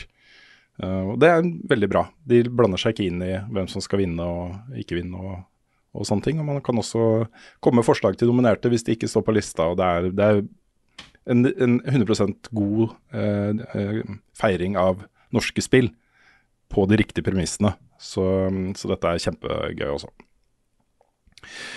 Um, vil også bare nevne en liten uh, norsk nyhet til før vi går videre til andre in internasjonale saker. Uh, og Det er jo nå en puzzle-festival på Steam, hvor de trekker fram um, puzzlespill. Altså uh, sjangeren puzzle. Eh, og det er veldig veldig bredt spekter av spill som, uh, som promoteres i den sammenhengen, med da spesielle tilbud eller demoer eller et eller annet. Og da har vi to som jeg har fått med meg, kanskje flere. uh, To norske bidrag som, som er liksom litt i, i tetsjiktet av disse tingene her. Og det ene er et helt nytt spill som heter Pure Logic, som er laget av en norsk utvikler som heter Sigmund Høyen. som, som ble lansert da, i forbindelse med den uh, puzzle-festivalen. Eh, og så har du også selvfølgelig uh, norske bidrag på det som kanskje er det hotteste puzzle-spillet som er i produksjon akkurat nå, Viewfinder. Hvor eh, du går rundt med et lite polaroidkamera, tar bilder av ting som er i miljøet, og så bruker du innholdet i det bildet til å påvirke miljøet på veldig liksom, kreative måter. Der er jo lydbildet lagd av Martin Kvale, og musikken av Oda Tilseth, som sitter her i Oslo i Nok Nok, eller Nok Nok Audio, og lager uh, lyd og musikk til noen av de største og kuleste indiespillene i verden, faktisk. Det er sant. Jeg er veldig frista til å teste den demoen her. Samtidig så har jeg Mm. lyst til å spare meg til spillet kommer. Ja, jeg er akkurat på samme sånn- måte. Det er litt eh, vanskelig å bestemme seg. Jeg har installert det, og har, øh, har selvfølgelig veldig lyst, men jeg har ikke hatt mulighet til å prioritere det ennå. Men uh, dette, er, dette er et spill øh, det står fire strekker under. Ja. Det skal vi være på ballen på når det blir lansert også. Oh yes. All right. Uh, vi har jo fått denne delscenen til Horizon, som du snakket om i forrige uke, Frida. Yes. Uh, Burning Shores, hvor eh, Aloy drar til eh, Los Angeles, og vi får en ny historie og sånne ting. Eh, I den forbindelse så har det, er det to ting som jeg har lyst til å, å ta opp. Eh, og Det ene er jo at eh, de i forbindelse med denne lanseringen har bekrefta at det kommer mer Horizon. Eh, vi vet jo at de jobber med et multiplayer-spill, som sikkert er et av disse Games as a Service-greiene som Sony jobber med, vil jeg tro. de har sagt at det er 12-13 eh, kommende spillprosjekter som vil ha litt den der Destiny-modellen, med seasons og uh, jevn strøm av DLC og sånne ting. Jeg tipper at Horizon er et av dem.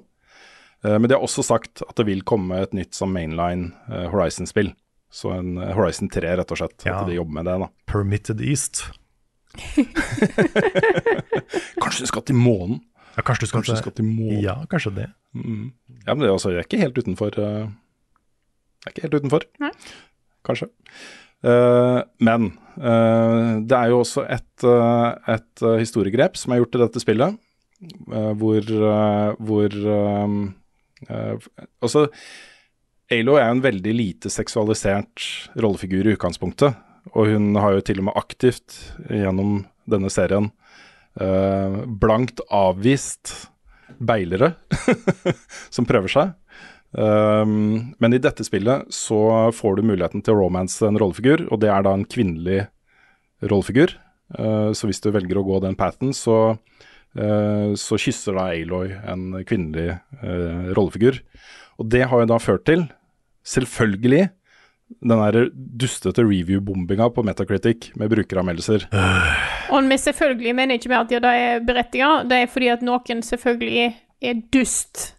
Ja. Dette er sånn helt, helt meningsløst, og det, det er en, eh, en sånn derre litt sånn vedvarende stein i skoen i, i spill, eh, spillenes verden, syns jeg.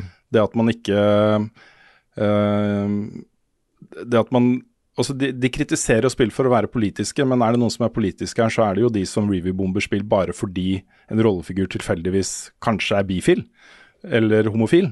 Og det, det er liksom Verden har kommet mye lenger enn det, og det er ikke noe å henge seg opp i. Uh, det er et uh, historievalg som er 100 opp til utviklerne, og jeg vil si også et valg som Fordi det har jo vært litt sånn småflørting innimellom. Det er ikke helt utenfor uh, og Også hva heter det? Uh, realm of possibilities. At Aloy uh, lener seg den veien. Det er i hvert fall ingenting som motsier det i de spillene som har kommet før. Og når utviklerne velger å gjøre det, så syns jeg det er et rettferdiggjort uh, historiegrep. Da. Jeg syns ikke det har noe å si i det hele tatt. Jeg syns da å si at da er, da er den agenda som blir pusha, er helt feil. Det handler om at folk er forskjellige. Mm. Vi i hele verden og hele samfunnet består av folk med ulike legninger, ulike kjønn. Og da at de fins i det virkelige liv, betyr òg at de sannsynligvis òg fins i spillverden. Og da Ja. Mm. om at ikke alle Hvis alle karakterer skulle være eh, heterofile, da er det kanskje Da er det virkelig òg på en måte Da pusher en kanskje Ja. òg noe Ja, Pusher jeg vet man ikke. muligens en- ja, det, Men det er, det er den der holdninga om at liksom, ok, hvis ikke det er heterofilt, hvis ikke det er cis, hvis ikke det er mann, så er det en agenda. Ja. Og det er, så, det er så idiotisk. Det er liksom, og det skjer hver gang. Det kommer alltid den der dustete backlashen på ting som det her. Mm. Og det er liksom ikke noe, det er ikke noe annet å si enn at de folka her kan dra til helvete. Faktisk. Jeg er så lei. Ja. Ja, så egentlig sånn, Som regel så ignorerer vi jo bare dem, fordi det har ikke noen reell impact på salg. Du så det med The Last of Us Part 2 f.eks., som jo hadde en massiv sånn derre antistorm eh, på nett, men som solgte bøtter og spann. Altså det er, eh, der snakka jo virkelig spillerne med pengeboka si, og, eh, ikke sant. Eh, men grunnen til at jeg tar det opp her, er fordi eh, endelig da, så går jo Metacritic ut og sier at, eh, at vi har fått med oss at dette er en kampanje som ikke har noe med spillets faktiske kvaliteter å gjøre. og nå, Vi har et modereringsteam, sier de da, men nå jobber de med å fange opp den type review-bombing manuelt. At de har endra policy eh, på det. Og Det er jeg glad for å se også, fordi jeg ellers er så lei av å høre det bli brukt som et argument. Ja. At ja, Bare se på brukerscoren på Metacritic, da. Den er jo mye lavere enn en snittet på faktiske profesjonelle anmeldelser. Og det folket har talt, liksom. Ja, ja. Og gjerne som et argument for at nei, nei, for det er spilljournalistene, det er de som er kjøpt og betalt og korrupte, liksom. Ja. Ikke sant? Men det er de som reviewbomber som har rett. Mm. Så, så derfor nevner jeg det her. Mm. Det er veldig bra at eh, jeg, jeg håper de følger opp at de faktisk gjør noe med det. Ja, de har en jobb foran seg. ja, Og ikke bare på man- dette spillet her, men på eh, seinere utgivelser som vil få Mm. samme Mm. behandling i tillegg. Jepp. Og så nevnte vi i forrige uke at det var noen rykter om at kanskje Diablo 4 at det ble tilgang litt tidligere, at det kunne komme litt før og sånt. Og det som det viser seg at det var, var at det kommer en ny betaperiode, eh, som er da fra 12. til 14. mai. Hvor du får muligheten til å gå inn og teste alle klassene i spillet, eh, og flere av mekanikkene som vil være da, i fullversjonen som kommer den 6. mai. Jeg tror du får tilgang den 2. mai eller den 4. eller noe sånt, hvis du har eh, Nei, 2. juni. Ja, det er 6. måtte- juni ja. og ja. Eh, du får tilgang et par dager før hvis du har forhåndskjøpt spillet uansett, da.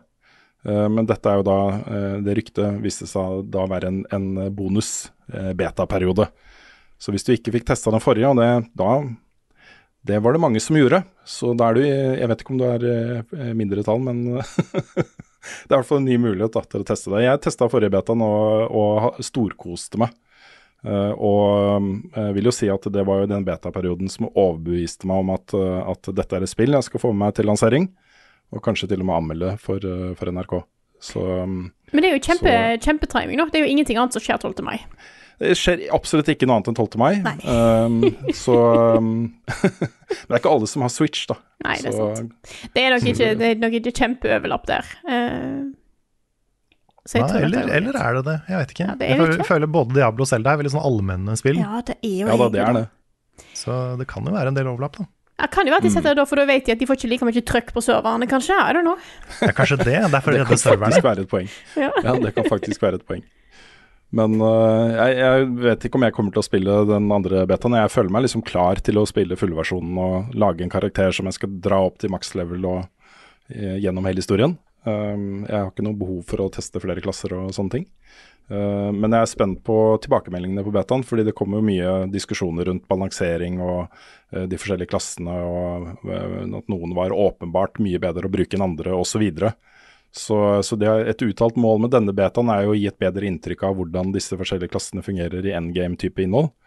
at du får litt bedre oversikt over hvordan de utvikler seg over tid. Så det er en eh, spennende beta uansett, som jeg skal følge med på.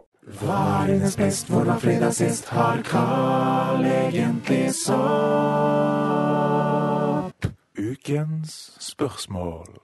I dag starter vi med et spørsmål fra Christer Horne, som spør hva skal til for at dere gir ti av ti som score på et spill? Det er et veldig godt spørsmål, og siden eh, Rune, du snakka om at du nesten var inne på ti av ti på eh, Bramble Mm. tidligere i podkasten, så jeg tenkte at det passer seg veldig bra tidsmessig i tillegg.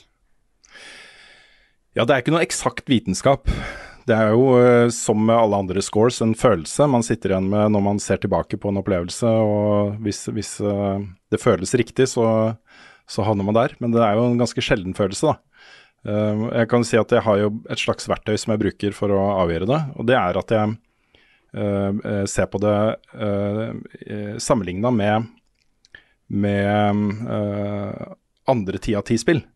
Altså, Hvor hadde dette spillet havna i en topp 20-liste all time for meg? Liksom Hvis det kunne hevde seg inne der, i konkurranse med andre spill i ti av ti, så, så begynner jeg å vurdere det seriøst, om det skal få en tier. Um, og det det er jo ikke så ofte jeg gir ti av ti. Det var jo da vi starta Level Up som indieselskap, så gikk det litt inflasjon i det. Det ble fire ti av ti fra meg på ett år. og det har ikke skjedd igjen. Så eh, jeg tenker at um, det er litt sånn et, En sunn måte å se det på er at kanskje ett eller to spill i løpet av et år fortjener en ti av ti. Uh, fra hver enkelt anmelder, da. Det kan være forskjellige spill som får det, liksom. Mm. Uh, fordi man har forskjellige preferanser og, og sånt. Men for meg personlig, ett et til to spill kanskje i løpet av et år, er det naturlig for en ti av ti, da. Ja. Ja, det må på en måte Det må være et altså, teknisk utrolig bra satt sammen spill for å få høyere karakterer i utgangspunktet, men det, det må også, for meg, da, gå inn på meg på en eller annen måte.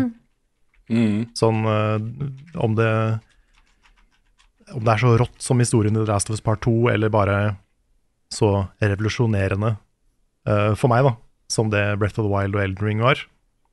Den derre shit, dette er nytt, dette er stort, dette er en, et vendepunkt i spill, på en måte. Det, må være, på en måte, det må være så stort, da. Eller så emosjonelt resonnerende, eller whatever, for å være helt der oppe. Det må gi et eksepsjonelt inntrykk. Ja, Eh, det, det, må liksom, det må være så minneverdig at, eh, at det er the best of the best, da. mm. Og da Og noen ganger meg så er det vel... Ja, beklager. Jeg bare fortsetter, Frida. Ok, eh, nei, For meg så handler det om at det, det er ikke det at Det er ikke et Ti av ti skal ikke gå til de som er på en måte 100 plett, plettfritt, 100% perfekt. Nei, for, Eh, for det er ingen spill som er det, på en måte. Nei, så det handler for meg om at hvis noe gir meg en opplevelse som er utenom det meste annet jeg er borti, eh, så eh, Og jeg sitter igjen med en følelse av at dette her, eh, dette var sjelden vare, Mm. så, så er ti av ti aktuelt. Men det er også en, en slags følelse, liksom. Altså det er, det, det, det er, du ser tilbake, og så ser du hele opplevelsen, og så, og så eh, vil på en måte den derre 'dette er en tier' den vil materialisere seg da, når du ser på en spillopplevelse på den måten. Og noen ganger så er det helt obvious. Elden Ring, for eksempel. Ja. Eh, For meg personlig, da. Jeg vet Ja, at ikke alle gir det ti av ti, men noen ganger så er det sånn Du bare vet, eh, etter å ha spilt det 50 timer, altså, dette er en ti av ti. Det er ikke snakk om å gi det noe annet enn det. Ja, du kan Eh, Andre ganger kanskje Nei, sorry, nå avbrøt jeg deg. ja, så andre ganger er det kanskje litt mer sånn Du må fløye det litt og tenke litt på det. Og se hvordan det påvirker deg noen dager etter at du har sett rulleteksten, f.eks. Et godt eksempel på det er jo Immortality for min del. da. Hvor jeg, jeg, hvis jeg skulle gitt en score Jeg anmeldte jo ikke det spillet, eh, men jeg hadde det jo på andreplass på min topp 10-liste i fjor. Og var da det andre spillet jeg ville gitt ti av ti det året. Eh, det er de to spillene som jeg i fjor da ville gitt ti av ti.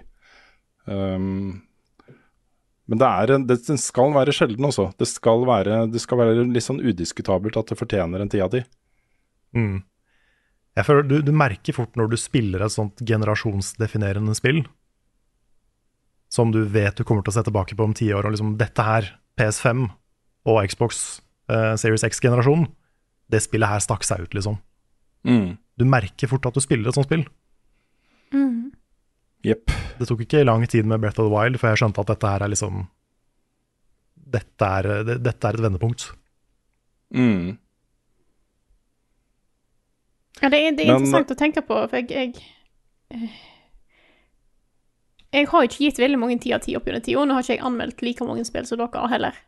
Eh, men det er, veldig, det er sånn jeg kan se tilbake på, på en måte Noen av de var helt sånn Ja, dette er ti av ti. Og noen av de er For den tida, den er litt sånn Du er litt, er litt redd for å bruke den òg, for du vil være sikker på at du bruker den på rett tidspunkt. Mm. Og på rett spill. Ja, det, var mitt, det var mitt problem eh, det første året vi var indie. Og så overgangen da fra terningkastskalaen, altså en terningkast seks um, Det er litt lavere terskel for å få det enn å få ti av ti. Mm. For jeg føler at liksom terningkast seks også inkluderer en sterk nier. Ja. Um, Ja. Og um, da ble det liksom jeg, Man kan fort bli fanga i en Ok, hvis du har gitt det spillet en ti av ti, uh, og så kommer det et spill som er litt bedre, uh, eller treffer på liksom enda litt sterkere, da, så er du på en måte tvunget litt til å gi det også ti av ti. og det er, eh, det er en litt sånn ubehagelig situasjon å havne i, hvor det går inflasjon i de høye scoresa, liksom. Der måtte vi faktisk ta en pause i podkasten, men vi er tilbake igjen. Og det er fordi at Rune har fått en eller annen mystisk pakke i posten som han måtte gå ut og hente. Dette er noe jeg bestilte for eh, en god del uker siden, og som jeg har gleda meg sånn til eh, kommer. Årets viktigste norske bok, kanskje, jeg har ikke lest den ennå, men okay. i hvert fall temaet kunne ikke vært mer aktuelt. Dette er boken 'Maskiner som tenker' av eh, Inga Strymke, som er AI-forsker ved NTNU. Ja!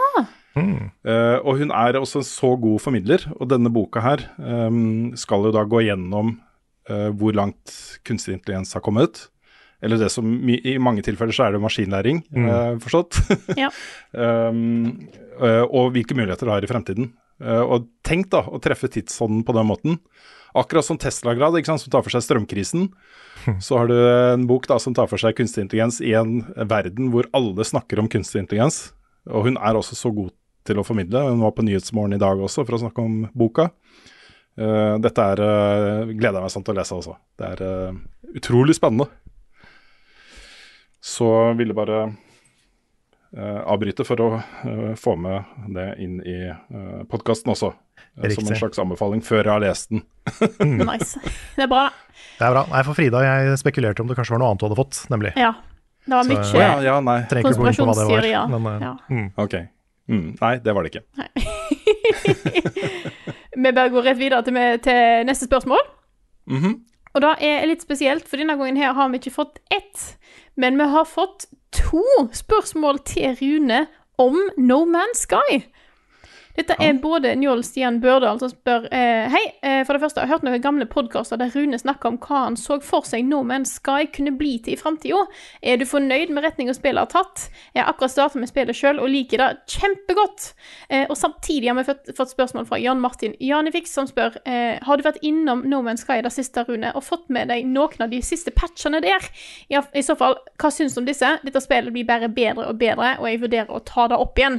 Eh, dette er jo et spill som har utvikla seg veldig siden lansering. Ja, uten tvil. Eh, jeg har kommet ut av tellinga på hvor mange oppdateringer det spillet har fått. Eh, hver eneste av dem gratis, hvis du eier eh, grunnspillet. Og det spillet har altså blitt så svært og så innholdsrikt og så bra at det er, nest, det er nesten ikke til å tro, altså. Eh, nå er jeg jo en av de som også likte grunnkonseptet No Man's Sky da det kom ut. Jeg koste meg altså så mye med å fly rundt og lande på forskjellige planeter og bare utforske og uh, leve i den verden der, da. Uh, men jeg har vært innom litt sånn med ujevne mellomrom på forskjellige patcher og testa ut nye ting. Jeg Har vært på expeditions og testa ut living ships og testa ut uh, Har funnet Normandy. skipet, som var en belønning for en av questene i, spillet. og Sett litt på uh, multiplayer-elementene og hvordan de har på en måte oppgradert historiefortellinga i spillet. Uh, undervannsbaser, mounts har kommet. Og alt dette har jeg liksom fått med meg, da, litt sånn med ujevne mellomrom. Og det spillet er altså den komplette spacepakka nå. Det er, eh, det er, et så bra spill. Og det eneste som hindrer meg i å gå eh, med hud og hår inn i det spillet igjen, er at jeg har sånn type 400-500 timer i det allerede. eh, og um, uh, jeg er ikke mett på det, liksom, men jeg har opplevd veldig mye av det som er bra i det spillet før, da. I litt andre sammenhenger. Sånn som eksempel så ble jo spillet lansert med bare én sånn historietråd du kunne følge. Um, som handla om å komme seg til, uh, til galaksens uh, sentrum. Uh, og hva finner du der? Et av de kuleste spilleøyeblikkene jeg har hatt. Det å følge den til veis ende. men så har det kommet inn et par andre historietråder etter hvert, da. som ikke minst også disse Expeditions minihistoriene, som, du, som er tidsbegrensa. Du kan bare oppleve det i en viss periode, og så er de borte for alltid. Så det har blitt et mye mer fokusert spill, samtidig som de har utvida alle de der kreativitetsgreiene på toppen av det. Så, så, jeg vil si at hvis du, hvis du, har sansen for spill som Minecraft og Subnotica og, og, og, den type spill, og liker å spille sammen med andre, så tror jeg det å starte opp en ny, uh, ny save i No Man's Sky med et par kompiser du er glad i, kan være noe av det feteste du kan oppleve i spill. Også. Det er uh, også så mye gøy å gjøre det spillet nå. Så, um, så ja, det er et spill jeg jevnlig anbefaler til folk som jeg ikke har testa det. Uh, det er et sånn, litt sånn kontrollspørsmål. Har du testa No Man's Sky? Hvis de sier nei, så er det bare gjør det. Gjør det. Mm. Det er kjempebra, altså. All right. Yes. Skal jeg ta et spørsmål, jeg også? Gjerne. Det er fra Simen på Patron. Uh, han spør hva slags forhold vi har til sammendrag av hva som har skjedd i TV-serier. Vil dere helst ha sammendrag av hva som har skjedd før hver episode, eller bare hver før sesong? Uh, og i spill burde de hatt et sammendrag av hva som har skjedd tidligere. Både for de som har spilt forrige spill, og de som kanskje vil hoppe rett inn i det nyeste. Jeg eh, Bare før sesongen eller i starten av spillet, for, for min del. Ja, mm. enig. Ja. Jeg, eh, jeg, ser jo mye TV-serier uh, aleine, liksom. Uh, men noen da med kona. Og hun er sånn, hun vil gjerne lese fullt sammendrag av he hele episoden vi er i ferd med å se. hun, er litt, uh, hun, er litt, der, da. Og jeg vil ikke vite noen ting, ikke sant. Så, så, vi har alltid en litt sånn krig da, i starten av en episode om vi skal gå tilbake og lese episodebeskrivelsen eller ikke. Ja, Så hun vil på en måte bli spoila litt? Hun vil gjerne bli spoila litt. Hun, okay. Jeg, jeg, tror det er fordi altså, min evne til å fokusere på liksom, fire samtidige serier er ganske god. Jeg har ganske grei oversikt over hva jeg har sett og hva som har skjedd og sånne ting. Uh, så lenge det ikke har gått altfor lang tid, da. Mens uh, hun uh, rangerer det å se TV-serier mye lavere ned på hva som er viktig i løpet av en dag eller en uke. Så den er ikke liksom så høyt oppe i hennes bevissthet. Så hvis det har gått noen dager, så glemmer hun fort litt detaljer og sånne ting. da. Mm. Så der er vi veldig forskjellige, altså. Jeg har blitt veldig avhengig av sånne um, sesongrecaps før en ny sesong av en serie. Mm. Sånne på YouTube. Problemet med de er at det alltid er noen som prøver veldig hardt å være morsom. Ja. Som kommer med sånne der, uh, zingers og one-liners når du egentlig bare ja, men Kan du ikke bare fortelle meg hva som har skjedd? Ja, men Det funka veldig bra når Hasse Hope gjorde det med Paradise Hotel. da. Ja, for Det er det beste som fins. Men det er mer sånne recaps etterpå. Av, uh, etter episoden, liksom. Det var grunnen til å se på Paradise, var å lese Hasse Hope sine, mm. sine sammendrag. Men de der eh, oppfriskningsvideoene, de vil jeg gjerne ha litt sånn Litt mer sånn 'dette har skjedd'. Men den beste recapen, det er jo bare å se sesongen på nytt. Ja, men det tar så lang tid. ja. det tar lang tid. Det gjør det bare på, med de aller, aller største og beste tingene, sånn som uh, Dark eller uh, Breaking Bad, uh, Game of Thrones. Ja. Så jeg har gjort det, da. Mm. Nei, det var, det var, litt mye å se tre sesonger av Succession for å se fjerde, mm. merka jeg. Men det er akkurat Succession er en sånn serie hvor jeg noen ganger har bruk for å se et sammendrag av det jeg nettopp har sett. For det er, det er, all, det er noen av de scenene som går litt over huet på meg, merker jeg. Sånn, mm. hva er det egentlig de snakka om i det møtet her? Hva er det egentlig, hvorfor reagerte han egentlig sånn, og hvorfor ble hun sur for det, og hva er det de prøver på, hva er det Så da hjelper det å få, få én stemme som bare ja, Kanskje det betyr det. Så, å ja, det betyr det, selvfølgelig. Ja, For jeg føler av at sånne ting går over hodet på meg. Og I tillegg så er jeg forferdelig dårlig med ansikt og navn. Så i serier der det er veldig mange navn og karakterer, sånn som Game of Thrones, så sliter jeg litt. Eh, jeg er veldig glad for at jeg har en, eh, en i huset her som er stikk motsatt, og veldig glad i mye forskjellige navn og karakterer og intriger, som kan hjelpe meg med å huske historietråder. Eh, så i den sammenhengen syns jeg at en liten recap av og til er greit, for jeg har Jeg, jeg glemmer veldig fort historietråder. Eh, Mm. Ikke fordi jeg ikke følger med, men det er på en måte det jeg, jeg eh, det, det, det forsvinner litt fra hodet mitt. Så hvis det har gått veldig lang tid, så, så er det greit med en liten recap. Men jeg vil ta opp én ting, og da er at jeg ser jo mye, og har sett veldig mye, anime opp gjennom tida. Som er notorisk på å ha en oppsummering av slutten på forrige episode i starten på neste episode. Og noen serier har liksom hatt to minutter recap i en 20 minutter episode.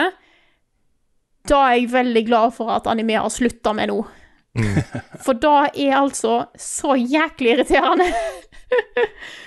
og det, det jeg syns har vært irriterende i mye anime, at det på en måte OK, det har gått et par sesonger. La oss, nå har det kommet en ny episode. Gleder meg til å se den. Da er en recap-episode. Da trenger jeg ikke. Nei. Da har jeg aldri skjønt.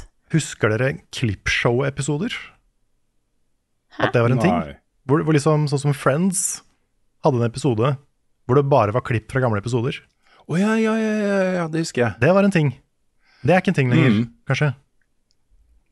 Nei, det, det kan jeg ikke huske å ha sett på kjempelenge. Nei, det er lenge siden. Men jeg vil ta opp én uh, eksempel her nå. Fordi at jeg har jeg vet, nå, nå vet jeg at jeg er litt behind her, uh, for de som er veldig uh, engasjert i anime og sånt for tida. Jeg har nettopp sett ferdig Chainsaw Man, første sesong. Som er en, jeg, har nesten vurdert om jeg skal anbefale den her, men det, er- det er en galskap av en, eh, av en serie som er en blanding av absurd, eh, intens og grotesk og festlig. Det er på en måte en sånn kombo Og så er det, det er fantastisk bra animert. Det er helt nydelig. Og det, det gir de en interessant ting, syns jeg, med denne her recap, altså oppsummeringen i starten av episode. Ofte så har du en scene fra forrige episode som blir spilt av i starten av neste episode, men han er ofte vinkla annerledes. Fra et annet synspunkt, eh, nye kameravinkler eh, og den type ting. Da syns jeg er nyttig, for da plutselig ser du samme tingen fra eh, en ny side.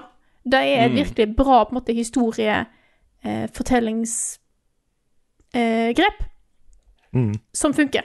Og da på en måte føler jeg at de tar den, den, den la oss si det, uvanen eller tradisjonen som anime har med at de skal absolutt oppsummere litt grann av hva som skjedde sist i starten, men de gjør det på en nyttig måte, og på en, på en måte som har verdi for, eh, for serien og for historien.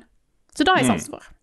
Se Chainsaw Man, han er helt Jeg, jeg vet ikke hvordan jeg, Det er vanskelig å snakke om han uten at han høres helt rar ut, men uh, det, er en, det er en fyr som får uh, uh, motorsag ut av hendene og hodet.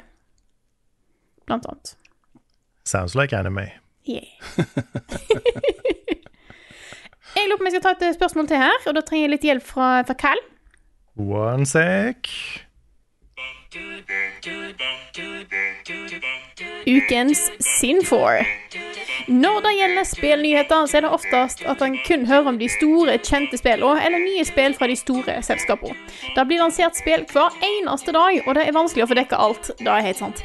Derfor lurer jeg på, leser dere dere opp på lista over alle spill som utgis hver uke? Alt fra små indiespill til mer kjente? Jeg kan i hvert fall si at jeg ikke får med alt. Det er jo et poeng. Altså, det er umulig. Um, men um, det aller, aller meste av ting som er bra og verdt å få med seg, vil i løpet av en periode på én til to uker etter utgivelse flyte litt til toppen på de sidene jeg følger og de folka jeg følger på Twitter og, og sånne ting. Så jeg vil nok påstå at det er sjelden jeg går glipp av noe som, som jeg ikke burde gå glipp av. Ehm, noe av det kommer bare litt senere enn andre. Men øh, jeg bruker jo Jeg er jo innom en gang i uka, øh, releases.com, som jeg syns er ganske gode på å snappe opp i hvert fall de største og mest interessante indie-greiene også. Ehm, øh, og følger jo en del sånne nyhetssider som er flinke til å omtale også indiespill. Så jeg, jeg tror vi får med oss det meste også, men det er jo en del hull der som vi har liksom forsøkt å teste, eh, tette, da, bl.a. med Early Access-magasinet. Det er liksom særlig i det sjiktet hvor det dukker opp nye ting som liksom en måned seinere så oppdager man at det sitter ti millioner mennesker og spiller det hver dag, liksom. Fordi det går litt under radaren på normal nyhetsdekning, da. Eh, men eh, jeg tør påstå at vi får med oss det meste også. Uh, noe av det snakker vi bare om her i podkasten eller i spilluka. At vi nevner sånn som uh, forrige uke, f.eks. Så ble jo et spill som heter OTXO, eller OTXO, eller hvordan man skal uttale det, uh, lansert. Jeg har ikke fått testa det ennå. Jeg har kjøpt det, installert det, ikke hatt tid til å teste det. Men vi nevnte det i spilluka. Og det er sånn typiske sånn type spill som, som fortjener oppmerksomhet, basert på hvert fall hvordan det fremstår. Men som man ikke nødvendigvis rekker å lage en anmeldelse av. Mm. Så det er viktig for oss å få med oss de også. Men det er ikke viktig for oss å omtale alle de 50 000 spillene som kommer ut hvert eneste år. Nei. Men jeg har tenkt tanken, da. Av de 50 000, liksom. Tenk om det er et spill inni der som ingen spiller, men som er ti av ti og kjempebra. Vi vet jo ikke det. Nei. Nei, Vi vet ikke helt sikkert, men uh, kan jo uh, sannsynlighetsberegne det til, uh, til å være en ganske lav sannsynlighet, kanskje. Ja, men jeg, jeg vet, det er jo mye bra som aldri blir spilt, eller aldri, aldri blir oppdaga. Mm. Altså forfattere som ikke har et publikum, men som er dritflinke. Det, er liksom, det fins jo, det. Among us er jo et sånt eksempel. Mm. Som bare seila fullstendig under radaren til alle i mange, mange måneder. Mm. Før det ble snappa opp av noen streamere, og så ble det et globalt fenomen. Ja. Hvor de lager dokker og T-skjorter og Sant. Det fins jo sikkert en del sånne. Mm. Det bare blir, det blir, oversett fordi det er så mye. Ja, mm. ja det er et uh, poeng, det også. Og med det så tror jeg vi runder av podkasten for denne uka her. Før jeg kommer med siste eh, outro-spill, så vil jeg bare nevne at vi har live podkast på Tilt i eh, slutten av mai. Det er den 27. mai. Blir det live podkast sammen med resten av kremen av spillpodkaster i Norge. Så blir vi på Tilt i Oslo for eh, Tiltcast 3.0. Der får du blant annet høre oss, Level Backup, en podkast utgitt av moderne media. Låten i introen og outroen er skrevet av Ole Sønnik Larsen og arrangert og framført av Kyosho Orkestra. Vignettene er lagd av fantastiske Martin Herfjord. Innholdet vårt på youtube.com slash levelupnord og twitch.tv slash levelupnord er tilgjengelig. Det er bare å gå inn og se på alt mulig av anmeldelser og reportasjer og alt mulig rart. Så uh, comment, like and subscribe. Hei! Tell your friends. Bli òg med i discorden vår på discord.gg slash levelupnorge, og kjøp litt merch på levelupnorge.myspreadshop.no. Og hvis du liker det vi lager, gå inn på patreon.com slash levelupnorge og støtt oss der hvis du vil at vi skal fortsette å lage eh, kvalitetsinnhold som den podkasten her. Tusen takk til alle dere som støtter oss. Uten dere hadde ikke vi vært noe som helst, så tusen, tusen takk skal dere ha, alle sammen. Tusen hjertelig. Tusen takk. Og med det så sier jeg takk for denne uka her, og så snakkes vi igjen neste uke.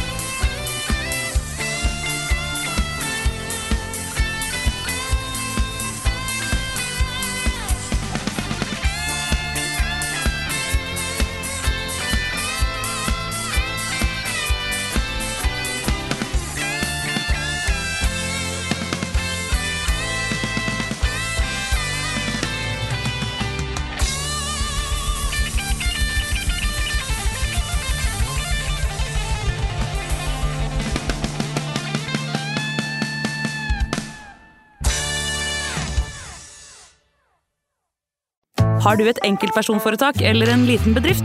Da er du sikkert lei av å høre meg snakke om hvor enkelt det er med kvitteringer og bilag i fiken, så vi eh, gir oss her, vi. Fordi vi liker enkelt. Fiken superenkelt regnskap.